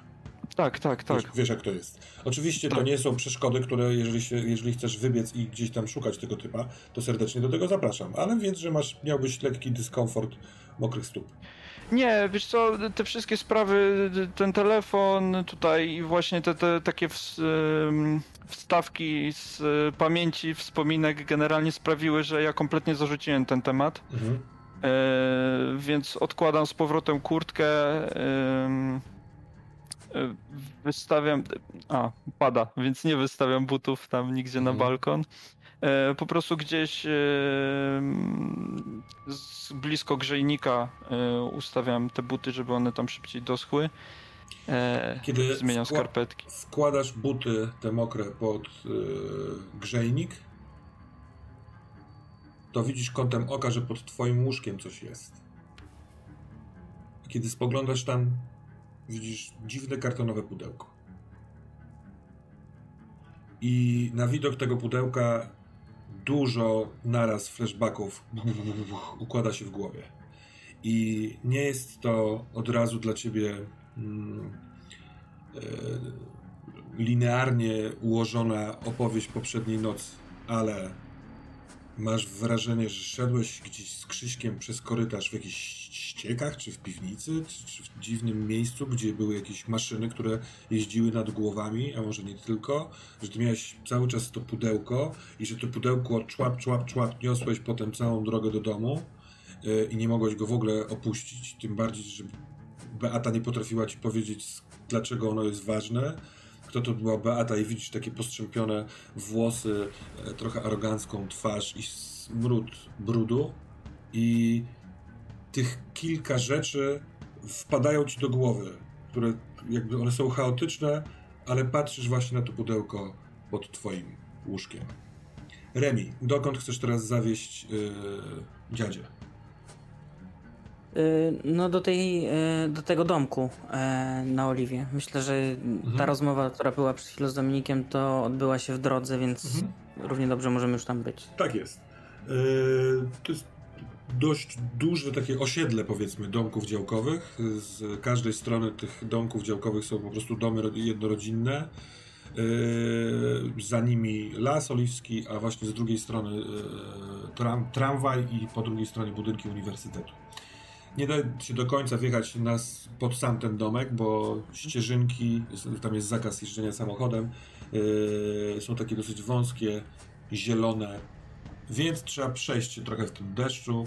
Yy, trzeba mieć klucz do, do bramki w płocie, ale zakładam, że możesz mieć taki klucz albo, albo ty, albo dziadzia potraficie zrobić to, yy, że tak powiem, on the spot. Więc yy, yy, czy masz parasol, czy masz kaptur, czy mokniesz, idąc te parędziesiąt kroków? Mam taką kurtkę, taki płaszcz z kapturem, więc zakładam po prostu, naciągam ten kaptur, ale parasola nie, nie mam. Dziadzia myślę, że tak, y, że on to ma totalnie wylane na deszcz. Mhm. On sobie idzie po prostu w tej skórzanej kurtce z łysą głową i ma po prostu e, luz z tym, że na niego pada. Mm, I ja tylko rzucam takie pytanie, ty dziadzia, ty byłeś kiedyś w tej chatce tutaj? Nie, Byłeś tu kiedyś w niego? Nie. No dobra, spoko. To jest jedyne miejsce, gdzie on może być. Jeśli nie tu, to trochę jestem w kropce. No ale wiesz, że to jest twój człowiek. Że jak ode mnie, to jest prawda. Dlatego mnie to bardzo martwi. A powiedz mi, to jest Max mocno wkurwiony, czy ja- jaka jest sytuacja? Co, Max jest w ogóle wkurwiony na szereg innych spraw. Akurat się wszystko wysypało. Taka polska złota jesień, kurwa. Mm. Więc on jest jedną z tych, myślę, że małych wkurw, ale to jest po prostu suma małych wkurwów. Tak bym to nazwał. Ja, nie, nie wiem. e, czy to. Nie, nie wiem. Wydaje mi się, że po prostu ma jakieś, jakieś, jakieś prochy, które już dawno powinien złożyć do kupy i oddać Maxowi, a tego nie zrobił. Spoko, no słuchaj, zobaczymy co tam jest w tej chatce. On tutaj to k- gotuje, więc być może to po prostu tam leży i jest do odebrania, tylko on, nie wiem, Dobra. e, zachlał, zaciął, idziemy. Jeszcze tylko jedna rzecz, Remi. Jak on będzie kręcił, to czy on wtedy jest twoim przyjacielem i muszę się martwić o was dwóch? Czy nie? Bo Jak ja... on będzie kręcił? Jak No. on będzie kręcił, to nie jest moim przyjacielem, to jest z definicji. Dziękuję. To są interesy, a to trzeba dzielić grubą krechą. Szanuję twoje podejście. Wchodzicie w, w, jakby w boczną uliczkę, takie niewielkie drewniane, czasami betonowe, czasami z jakieś dykty, domki, sadzonki, które latem są piękne i świeże, a teraz nie, oraz e, domek wasz, wasza działka. Ona ma e, dosyć duży plac, starą, zardzewiałą huśtawkę, może jakiś poprzedni właściciel tam się huśtał. Zarośnięta jest dosyć mocno, Y, nawet latem y, poprosiłeś Krzyśka, żeby przynajmniej ściął trochę trawy, żeby to nie wyglądało jak taki, taka kurwa totalna melina, więc y, trochę trawy zostało ścięte, ale trochę jest zarośniętych. Elementów parterowy domek, właściwie dwa pokoje w środku tego domku są i taka malutka przybudówka, która jest kiblem. Pali się latarnia, taka lampka za, y, y, na poddaszu przed wejściem do domu. Rozumiesz, że jak, jak wychodzisz z domku, to masz nad głową lampkę i na trawie tuż za płotem leży Krzysiek Berg. Robert, wysłałeś do Dominika zdjęcie, zbadałeś y, troszeczkę własnym sumptem. Na razie nie ma odpowiedzi. Jaki masz plan? Ogólne czekanko na wieczór i czy masz dziś jakieś obowiązki, czy chcesz coś jeszcze zrobić? Wiesz co, no myślę, że pewnie mam po południu, skoro, skoro nie pracowałem rano, to pewnie jest to jeden z tych dni, kiedy mam po południu gdzieś tam za, za, za 3 godziny przychodni swojej, Mhm. którą gdzieś tam współdzielę pewnie jednym, dwoma innymi, innymi lekarzami, żeby się gabinet opłacało wynajmować. Więc przygotowuję się najpierw na wieczór, robię też jakieś zakupy do domu, jakąś Myślę, że Karolina może lubić jakieś bardziej słodkie trunki, więc kupuję jakąś butelkę dobrego Porto. Pakuję to. Razem z tym idę do przychodni gdzieś. Wiadomo, to, to nie jest praca w szpitalu, tylko, tylko praca w przychodni, więc tutaj, to są pewnie bardziej rzeczy typu, wiesz, komuś, e, komuś zagipsować rękę, tak, komuś zrobić jakieś tam zastrzyki w kolano, jakby na tej, tej klasy rzeczy, więc niezbyt fascynujące, ale sensownie płatne. Ewentualnie czasem jakieś konsultacje, bo no też niektórzy wiedzą, że łatwiej się dostać do szpitala, jak się najpierw przyjdzie na prywatną Mhm. konsultację. Em, a potem po odbębnieniu tej właśnie mniej ciekawej części mojej, mojej pracy zarobkowej, Dobrze, to na, na chwilkę zatrzymajmy się w tej przychodni, dobra? To Dobra. rozumiem, mamy porę taką około obiadową, w sensie to jest jakoś tam tuż po południu. no pewnie jakieś 14-15, coś takiego, tak. I yy, masz zapisanego pacjenta. Yy, poczekaj, bo to jest tak, że ty yy, składasz kończyny, no nie? Albo wszelkiego rodzaju choroby tego, tego rodzaju. Dobra. No to, to nawet nie do końca, że, ma, że w sensie on nie, nie, niedawno się zapisał, że jedzie, bo ma złamaną rękę. I w, do poczekalni wchodzi yy, kobieta i mężczyzna. Kobieta jest taka trochę y, oszołomiona, y, taka spanikowana. No, ma przed czterdziestką, niska, ma spódnicę, kurtkę taką jesienną, trochę deszczową. I facet, który jest, y, no, od razu widzisz, że ma złamane, złamaną rękę w przedramieniu. Taką, on się trzyma za łokieć, ale ta ręka mu to trochę wisi. Nie, w sensie nie ma otwartego złamania, nie widać krwi, ale on jest taki apatyczny. Ma biały t-shirt, jeansy, jest całkowicie przemoczony i idzie i się rozgląda, co tu się dzieje. Może jest pijany, czy coś takiego, a y, żona ogarnia sprawę. "O, To tutaj, to do pana doktora, to, to mój, mój mąż, potrącił go samochód i yy, chyba ma coś z ręką, bo puchnie. Yy, yy, Proszę pokazać. Nie wiem na ile tutaj będę w stanie pomóc, bo to może wymagać rentgena. Mhm. tutaj w gabinecie. Jest tam rentgen u was, czy nie? Podejrzewam, że nie. To... Że rentgen to jest większa sprawa. Z takimi rzeczami myślę, że jakby typowo częściej jedzie na jakiś SOR, nie SOR, właśnie do szpitala po to, żeby mieć... Dobra, były wszystkie badania zrobione. Dobrze. E, no ale możliwe, że oni po prostu no, o tym nie wiedzieli, tak? Mhm. Albo mieli blisko, albo spanikowali, tak? Myślę, że mieli blisko, Albo- ona spanikowała. Albo nie chcieli, nie chcieli, nie chcieli gdzieś tam na, na sorze czekać w kolejce Mhm. kolejnych pięciu godzin, tak? Mhm. E, na przyjęcie. E, no więc, Więc- wprowadzam ich do gabinetu, tak? Jakby no, zbadam to na tyle, na, na tyle, na ile się da, tak? Jakby trzymając tą, tą rękę, gdzieś tam próbując jakieś delikatne ruchy wykonywać, patrząc, patrząc po tym, jak to się zachowuje, no delikatnie też, no stwierdzając w którymś momencie, Dobra. że może, może to trochę zaboleć, gdzieś tam jakby obmacując ten łokieć. On jest chyba w jakimś szoku, bo on trochę, trochę nie, nie, nie, nie, nie reaguje. Właśnie ciężko znaleźć dokładnie miejsce, bo jak naciskasz, to nie ma specjalnej reakcji. Yy, on w pewnym momencie robi takie au. Ale tak jakby sobie przypomniał, że się powinno takie coś robić. Jest taki trochę właśnie otumaniony pod wpływem czegoś, a ta żona siedzi obok i gładzi go po drugim ramieniu i yy, Ale ma w ogóle rozszerzone źrenice, jakieś tego typu rzeczy. Jakby, czy bardziej wygląda na otumanionego, czy bardziej wygląda na naćpanego, czy jedno i drugie? Na, na otumanionego. Nie, nie ma y, zmian w źrenicy. Jak spoglądasz, to on też patrzy na ciebie i mówi: Dzień dobry. Dzień dobry, doktor Robert Ostrawski. Co się stało? E,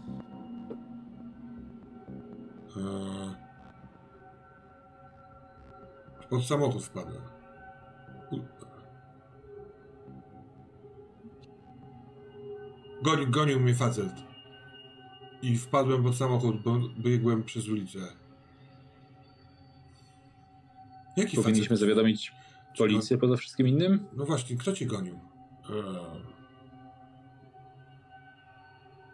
Nie wiem, nie znam go. Marynarz jakiś. Jak to marynarz? To mam dzwonić po policję? Dlaczego ci ktoś gonił? Nie wiem. Byłem w warsztacie i zobaczyłem, że biegnie, to zacząłem uciekać. Wpadłem pod samochód, panie doktorze. Gdzie to się stało? Warsztat mam tam dwie ulice dalej, na Chynka. To, dlaczego mi wcześniej o tym nie powiedziałeś, że ktoś cię gonił? Ty masz jakieś problemy? Nie, nie mam, nie mam problemów. Przestań, Marta. Ona trochę jest taka badawcza, on jest całkowicie taki właśnie wychillowany, a ty czujesz w rękach, że jedna z kości jest, e, no, jest pęknięta. Rzeczywiście trzeba go odesłać do jakiegoś tam e, rentgena, żeby sprawdzić na ile to jest poważne, możesz ewentualnie pewnie jakiś opatrunek czy tamtą. Tak, no ja to mu na pewno zaban- zabandażuję w tej, w Mhm. tej sytuacji, tak? Na jakiś taki temblak mu to, Mhm. mu, to, mu to zawiążę, podam mu coś przeciwbólowego, skieruję go na SOR. No zresztą stąd jest, z tego mojego gabinetu jest stosunkowo niedaleko, bo to jest parę kil- kilometrów tam na, na, na, na Smolchowskiego, gdzie pracuję, Mhm. więc To ja z tym, Nawet- Hynk, to ja z tym Hynkiem przesadziłem. To, to jest gdzieś tam właśnie, w, ta ulica, którą podał jest blisko Smoluchowskiego. dobra, to, to im nawet ym, stwierdzę, że zadzwonię do kolegi na dyżurze, żeby tam państwo za długo nie czekali. Dobrze, dziękuję bardzo. Ona tobie dziękuję, ale tak naprawdę cały czas od niego próbuje wydostać, kto ci goni. Dlaczego ci goni? Czy ja mam zadzwonić na policję? Czy to jest Chodakowski? Bo powiedz, próbuje, a on kompletnie nie chce, nie chce tego poruszać. Tak naprawdę dziękuję ci za bandaż, za temblak. Ale to właśnie z czego, bo jakby ja w pierwszej chwili myślę, że po prostu zajmowałem się nim tak trochę znudzony i trochę profesjonalnie, ale jakby, znaczy całkiem profesjonalnie, ale jakby bez angażowania się jakiegoś tam Mhm. emocjon- emocjonalnego w, te, w tą sytuację. Ale jakby w ramach, w miarę rozwoju tej sytuacji jakby też wiedziano chyba nawet bardziej jej pytaniami, które gdzieś tam pobudzają jak, jakąś tę ciekawość z jednej strony, a z drugiej strony tym, że on właśnie jakoś tak niezbyt na tą sytuację reaguje. Mhm. Też momentami jakby przyglądam mu się badawczo, jakby czego to jest kwestia, że człowiek sobie tak no właśnie tak totalnie na luzie mówi o tym, że ktoś go gonił na ulicy, wpadł pod samochód, ale w sumie nie, nic się nie martw, żona, wszystko jest super. Ten typ wygląda na bardzo zaskoczonego tego, tym, co się stało i chyba, może jest trochę tępawy po prostu. Zanim powie za dużo, próbuje sobie to ułożyć w głowie. Chyba stąd to otumanienie takie. Chociaż dostrzegasz czasami, że on z lekkim opóźnieniem yy, spogląda na ciebie, y, też na nią tak reaguje i właściwie jeśli chcesz, to, to, to rzućmy.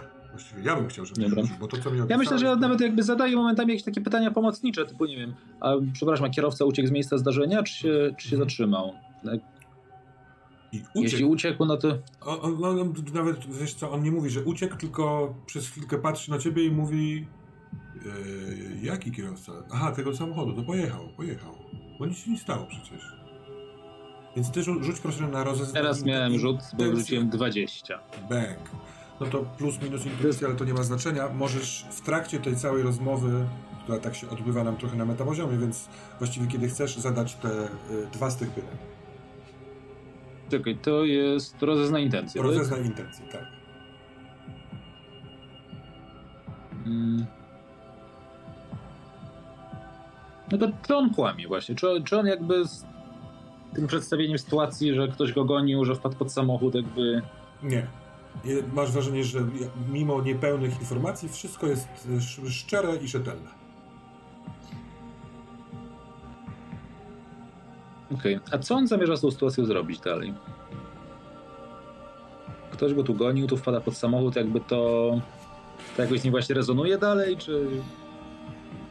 Zdarzyło się, żyjemy dalej. Nie, to nawet jakby w, w, w trakcie całej rozmowy e, e, podpatrujesz rzeczy, które mogą doprowadzić cię do wniosku, że on chce jechać teraz do warsztatu i dalej pracować. No trochę ma... Jakby ją uspokaja, nie, zostaw to, nie, nie dzwonimy, nic przecież się nie stało. E, Ona mówi, że musimy pojechać teraz do tego lekarza, no ale mnie nic nie boli. Ja muszę iść, mam samochód rozgrzebany. Więc on jest nakierowany na powrót do pracy. Ja mu jeszcze tłumaczę, że tam panie, nie wiem, Henryku, Mhm. taką ręką ciężko panu będzie montować samochód, więc Aha. To co mam zrobić? zalecałbym udanie się na Sorna Smolkowskiego. Tam Aha. prześwietlał panu rękę. Najprawdopodobniej założył gips. Proszę poprosić o lekki gips. Będzie wygodniej się panu. Lekki gips. Lekki. Lekki gips. Lekki gips. Lekki. Widzę, że on tak średnio kontaktuje, tak jakby mówię do niego, no bo to tak nie jest dziecko, ale też jakby popatruję na nią, że jakby ona to rejestruje i że w razie tego jakby ona Ona w, te w- kluczowe informacje zachowa w pamięci. Tak, ona ten lekki gips zapamiętuje, ale widzisz w niej coś w stylu, ona nie widzi sytuacji takiej, jaką jest. Nie do końca potrafisz po niej rozpoznać, czy ona zna takiego Henryka, czy też widzi, że on jest jakoś wyjątkowo otumaniony. Do tego nie wiadomo. Rozumiesz, co chodzi? Ona jest zbyt Mhm. w emocjach, jakby ona chce to ogarnąć, więc czy on taki jest zawsze, czy nie i ona powinna być w szoku, to takiej informacji nie ma. Ale ona go zabiera, przeprasza za czas, dziękuję za cierpliwość, idziemy, chodź, chodź. I on, tak, tak, idziemy po lekki gips. Idziemy po lekki gips. Do widzenia panu. Do widzenia. No jeszcze wy, wyślę SMS-a Mhm. na, dy, na dyżurze, powiedzmy Dawidowi. I wiem, że on teraz jest właśnie na, na dyżurze na Sorze, Mhm. Że jedzie do nich pacjent po wypadku. Nie jest pilny, w sensie nie ma zagrożenia życia, ale jeśli gdzieś tam będą się w stanie z nim, nim w miarę sprawnie zająć, to super. Krzysiek, dobiegasz do baru, lekko dysząc, e, ten krótki bieg od drzwi, albo tym korytarzem, albo kurwa, nie, nie wiadomo co, kaszlasz, kawałek czarnego dymu wypada y, z ust, przed tobą jest barman, y, irokes, dużo kolczyków w różnych miejscach y, swojego wszechświata, koszulka na ramionczkach, który jest ciągle gorąco, on jest właściwie cały czas na amfie, więc robiąc wszystkie rzeczy za barem, ciągle podryguje w takt muzyki, patrzy na ciebie i wow, Krzysztof, kurwa, co się to stało? Coś ci podać? Ja taki zduszany, patrzę na niego, łapię się za bar, po Aha. prostu, wiesz, żeby, żeby utrzymać ten... Kurwa, co jest za mną? Co jest za mną? Co się tam dzieje? Wow, wow, wow, Krzychu, nie wiesz, co jest za tobą? Dwóch typów stoi. Ja się szybko odwracam. Jakich dwóch typów krzyczę? W momencie, kiedy się odwracasz, to czujesz absolutne zimno i mokrość. Jesteś jak gąbka. I ktoś mógłby wziąć cię i wycisnąć, wtedy by wyleciało jezioro. Yy, I w poziomie widzisz yy, Remka oraz stojącego obok dosyć dużego, łysego typa, którzy w deszczu stoją nad płotem działki i patrzą na ciebie. Hmm. Czuję, czuję się taki totalnie rozbity. Coś jest, coś jest ze mną nie tak. Patrzę na nich, otwieram oczy, przecieram. Remek? Gdzie jest bar? Gdzie jest barman? Yy, pierdolę. Yy, Kasprze, yy, część elementów z tego snu może jeszcze nie do końca jasna, ale zostawia glut i niepokój. I na razie nie chcę się tutaj ro- e, jakby doszczegóływać tego, ale tracisz jedną stabilność. Ten niepokój psychiczny za chwilkę może dojść do ładu, ale teraz fizyczność jest kłopotliwa, bo jesteś po prostu zajebiście przemarznięty yy, na terenie działki. No i Remek mówi, Jezus Maria. Przepraszam, kontynuujcie. Tak, otwieram furtkę, podchodzę do niego, patrzę, czy on jest w ogóle sprawny, żeby w ogóle iść. Mówię, Krzychu, wstawaj. Co się z tobą dzieje? Patrzę na Remka, próbuję się podnieść. Próbuję się zebrać w sobie. Dobra, yy, ty Remek, zabieraj kolegę i wejdźmy do środka, bo tu kurwa napierdala ten deszcz. No to tak robimy. Biorę go pod ramię, podnoszę go, pomagam mu stać i, i się chcę kierować w stronę tej chatynki. Ja myślę, że ja się, ja, się, ja się trochę zataczam. Ciężko jest, ciężko jest mnie utrzymać. Jestem jak taka, taki, taki, taki bezładny zupełnie. Lecę, lecę z rąk. y, No ale jakoś tam próbuję ostat, ostatkiem sił się zebrać sobie, pójść za, za, za rękiem z tą, do, tej, do tej chałupki. Mhm. E, drzwi są otwarte. Nie, na, na oścież. Mm, Dobra, dobra. Mhm, mhm. To, ten, to ten facet, yy, on, bo on był pierwszy, jak ty, Remek, zbierałeś Krzyśka z ziemi, to on tam po prostu podszedł, bo tam jest troszeczkę daszku i tak naprawdę, skoro są drzwi otwarte, to wszedł do środka i ściąga mokry płaszcz. No dobra, myślę, że jak wchodzimy, to ja staram się, nie wiem, zobaczyć, czy jest jakaś, nie wiem, narzuta, czy koc, czy cokolwiek, żeby na niego zarzucić, bo on po nie wiem ile leżał na tym mokrej trawie w deszczu. No i zadaję mu pierwsze pytanie, co tu się odpierdala? Krzyku, Przepraszam, nie ja- można się do ciebie dodzwonić, co jest? Mogę na sekundkę y, spytać ciebie, y, Termos, y, Mhm.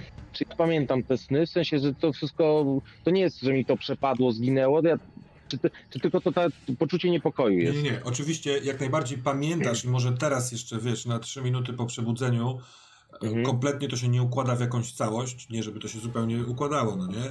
Więc, Mhm. y, ale do wszystkich tych rzeczy, które, się, które opisywałem, będziesz miał dostęp w jakiejkolwiek spokojnej sytuacji, żeby sobie to poukładać w głowie. Okej, nie, po prostu chodziło mi o to, że odgrywając nie byłem pewien, jak tak, tak, dużo rozumiem, rozumiem. jeszcze mogę trochę bredzić, trochę jeszcze w tym, tak, wiesz, być w tym śnie utaplany, tak? Natomiast jak tylko wchodzisz, jesteś wprowadzony przez Remka do środka, Mhm. To yy, twoje nie wiem, stanowisko pracy powiedziałbym jest nieco, nieco brudne, tak jakbyś w trakcie pracy odszedł stąd. Trochę prochów takich, trochę prochów takich, trochę czegoś w próbówce, tak? Ale Mhm. dochodzi jeszcze myśl, że oho, skoro wychodzę, to lepiej, żebym wszystko zabrał ze sobą. I słyszysz zamek, zrzet, zamykany na twoim plecaku, zanim wyszedłeś w noc. Jakie to jest pytanie, Remek, które chcesz zadać Krzyśkowi? Chciałem zapytać, co się z tobą dzieje, dlaczego nie mogę się do ciebie dodzwonić? Gdzieś był, Y- coś robił. Wyszedłem, wyszedłem w nocy, miałem, miałem towar przy sobie, miałem jechać, miałem jechać do domu. A gdzie masz teraz towar? Y, Plecak? Gdzie Towar. jest plecak? No plecak jest na, Plecaku. na plecach. plecaku. Tak, dobrze, że on jest Towar dobry, plecaku. dobra sportowa rzecz, to pewnie nie przemawia. Dobra, to ja mu zdejmuję ten, szarpuję z niego ten plecak, otwieram, żeby zobaczyć, co tam jest. I pytam, dziadzia, to jest to, co potrzebujesz, czy coś innego? Dziadzia cały czas patrząc y, trochę tak nieufnie, badając tak naprawdę prawdomówność y, Krzyśka, patrząc ci w oczy, podchodzi do plecaka i spogląda, co tam jest. A co ty robisz, Dominik, kiedy patrzysz y, na pudełko? Tak, ja patrzę na to pudełko, ten natłok flashbacków. E, rzucam. Co tu się kurwa dzieje? E, ignoruję na ten moment tę mokrą skarpetkę. E, pierwsze, co mi tak e, przyszło do głowy, właśnie, żeby zweryfikować prawdziwość tych wydarzeń, to podchodzę do kurtki, którą wtedy powinienem mieć właśnie ze sobą. Mhm. E, I sprawdzam, bo, bo mam ten zwyczaj, że chodzę z paczką fajek właśnie. Mhm. Żeby albo złapać okazję do zagadania kogoś, albo właśnie jakoś to wykorzystać, mimo że nie palę. E, No i sprawdzam, czy ona jest e, w tej kurtce. E, Standardowo w tej kieszeni wewnętrznej, w której powinna być. E, Mm, Nie ma. Nie ma. Ech. Tak czułem. E, biegnę szybko do, do pokoju, Mhm. e, pod łóżko i wyciągam to pudło. E, Też jest mokre. Mhm. Mokre od podróży w deszczu. Człap, człap, człap. Pudełko z takim nałożonym daszkiem jakby. mhm. Zdejmujesz tą pokrywę? e, tak, zdejmuję. Zaglądam do środka. W zasadzie nurtowało mnie to już wtedy. E, gdzieś sobie przypominam właśnie, że jak przy, wspominam to pudełko, że już chciałem sprawdzić wcześniej, co tam było. Ty, ziomek. Gdzie są kurwa moje prochy? Co to za gówno, Remek? Mówi dziadzia po tym, jak zerknął do plecaka. No dobra, więc ja zaglądam mm, do plecaka, patrzę jaki tam jest, jakie tam są prochy, jakie tam, co tam są za rzeczy. Tam jest na pierwszy rzut oka pełno różnych papierów. Jest jakaś teczka, są kartki papieru, są chyba fotografie, jest jakiś album. I nie ma narkotyków w ogóle, Nie. Krzysiek, więc absolutnie nie wiesz, co to jest. Tam prochy były w plecaku. Co tam jest? Yy, strzał. Nie z pistoletu, tylko z pięści od dziadzi w twoją stronę, Krzysiek.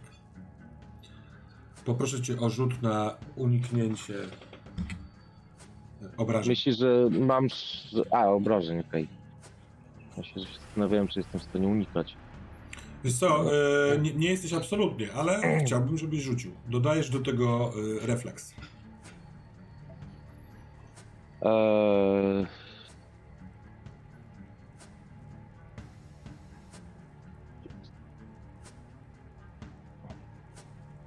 To jest e, 9. Dobra, to poproszę o znieść obrażenia i od, e, do rzutu dodajesz odporność, a odejmujesz jeden. O, o, o, o, znieść obrażenia. Dobra, najpierw rzut. U, 7 i mówiłeś, że co? Dodajesz odporność? Czyli 8 i odejmuję Jeden. czyli 1, siedem. czyli 7, czyli zostaje 7. Dobrze, to są trzy opcje do wyboru dla ciebie. Jedna jest umierasz, ale to chyba sobie darujemy na razie. Jeszcze chyba tak. Tak, zostajesz ogłuszony, mogę ci Mhm. przyznać poważną ranę, albo otrzymujesz krytyczną ranę, ale jesteś trzeźwy i przytomny. Sądzę, że w tym przypadku E. krytyczna rana to coś w stylu złamanego łuku brwiowego, ewentualnie złamany nos. Myślę, że w tej sytuacji po takich przejściach zostaje ogłuszony. Dobra. Remik. E, dziadzia chyba za dużo był na deszczu. Jak zobaczył wnętrze i to, że ten Krzysiek coś kręci, to po prostu jedno mu takiego gonga. Krzysiek w, aż chlupnęło e, od jeszcze wody w jego odzieży, pacnął na podłogę. Dziadzia patrzy na ciebie. Kurwa dziadzia, teraz nie znajdziemy tego towaru, dopóki go nie obudzimy. Weź się powstrzymaj trochę, na pewno gdzieś to tu jest, tylko kurwa znowu Krzysiu zaćpał i teraz trzeba tego tylko po prostu poszukać. Jak to znowu, kurwa, jeżeli ten człowiek znowu robi takie rzeczy, to ty... Dobra, to szukaj. Wyciąga papierosa i sobie zapala papierosa. Ja patrzę na tę aparaturę. E, którą e, Krzysiek ma w, w tej swojej kanciapie. Aha. Ponieważ ja byłem na takich studiach jak e, on, to się trochę na tym znam i wiem, co mógł robić. Chciałbym się Mhm. dowiedzieć, czy on faktycznie robił niedawno ten towar, albo robił ten, który miał zamówiony. Myślę, że mogę wiedzieć, co on tam dokładnie ma zamówiony, czy... Aha. Mhm, mhm. Więc, Dobra, więc chciałbym więc- zobaczyć, czy było w ogóle zrobione, czy ten towar był w ogóle zrobiony Dobrze. i czy zaginął faktycznie. Dominik, kiedy otwierasz y, pudełko, w środku y, je, są cztery worki, takie plastikowe. W każdym z tych worków jest po paręnaście, parędziesiąt może tabletek. Y, jest też kilka w takich jakby czekolad, tylko że no nie do końca czekolad, tylko sreberek owiniętych wokół takie twardawe jakieś rzeczy. I do tego jest pudełko, taka szkatułeczka, ale pudełko to jakieś tam cukierka czy ciastka duńskie powiedzmy, taka blaszane pudełko i w środku jest trochę pieniędzy, typu parę tysięcy złotych w banknotach pomiętolonych. Wzdycham ciężko. No to już chyba sprawa z Krzyśkiem się łączy. Eee... Ale o co chodziło? Nie pamiętam nic. Eee...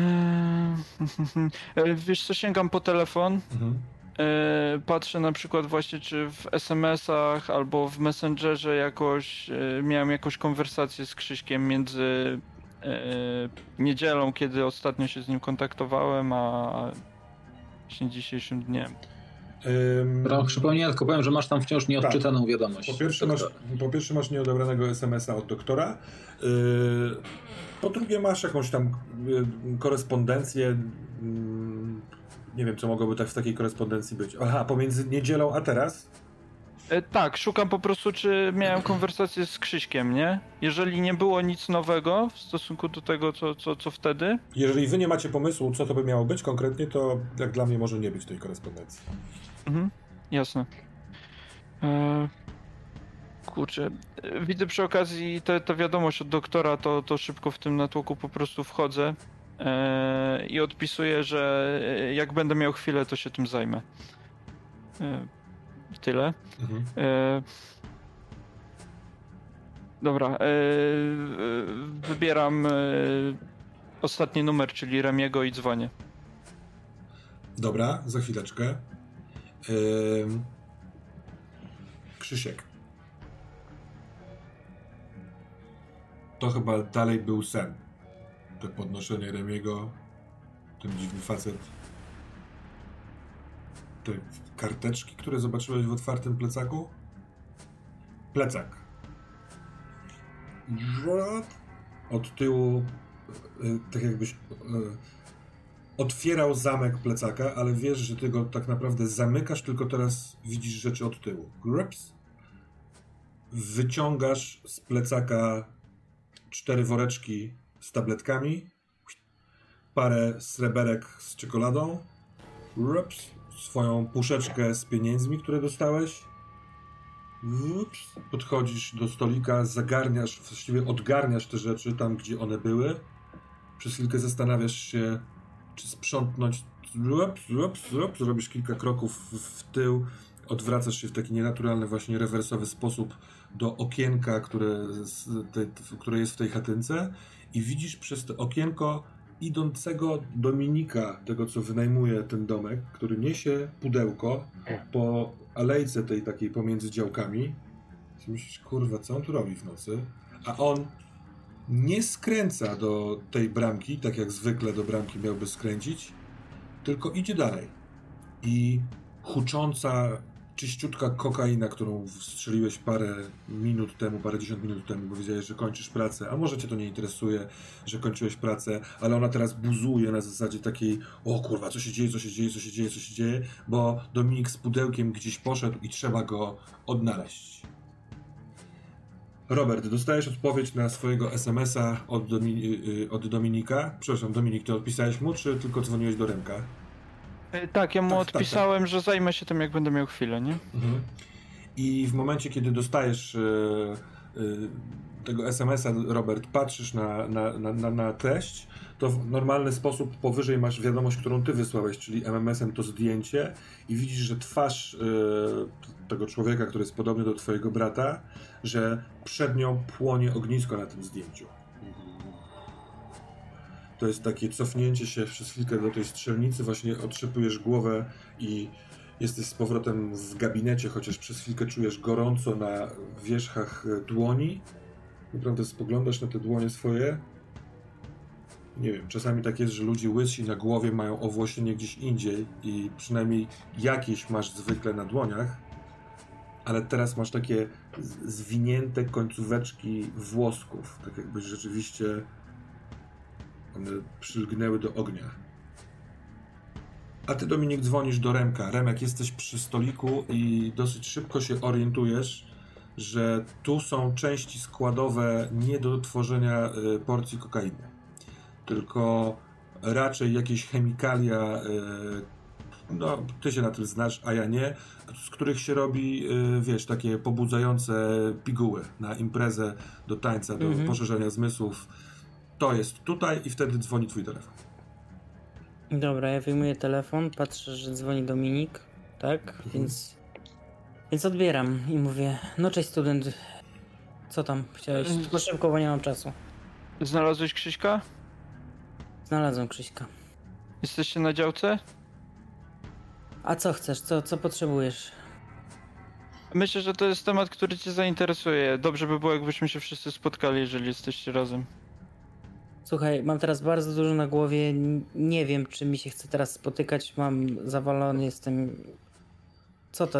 Mów szybciutko, co to jest. Bo. Nie jest to na telefon. Przyjadę. Nie wiem, czy tu będę. Jak się wyrobisz szybko, to. To jeszcze tu będę. I A Krzysiek będzie? Grunt, żeby on był. No będzie, on nie jest na razie w stanie nigdzie iść. Dobra. Jak będziesz, to dobrze, jak nie będziesz, to też okej. To jadę. Mhm. Dobra, Więc, ja. E, e, jeszcze sekundę. W trakcie jak rozmawiałeś, to widziałeś, że dziadzia z takim już wisząc- wiszącym kipem, on podniósł tego mokrego Krzyśka, posadził na jakimś tam, bo tam jest taka prycza e, przy boku ściany, posadził go tam i już delikatnie go smaga w pysk. Pewnie dotarło do niego to, co powiedziałeś, że tak naprawdę bez Krzyśka trudniej będzie znaleźć fanty. I na tym, prawdę mówiąc, skończyłbym pierwszy odcinek.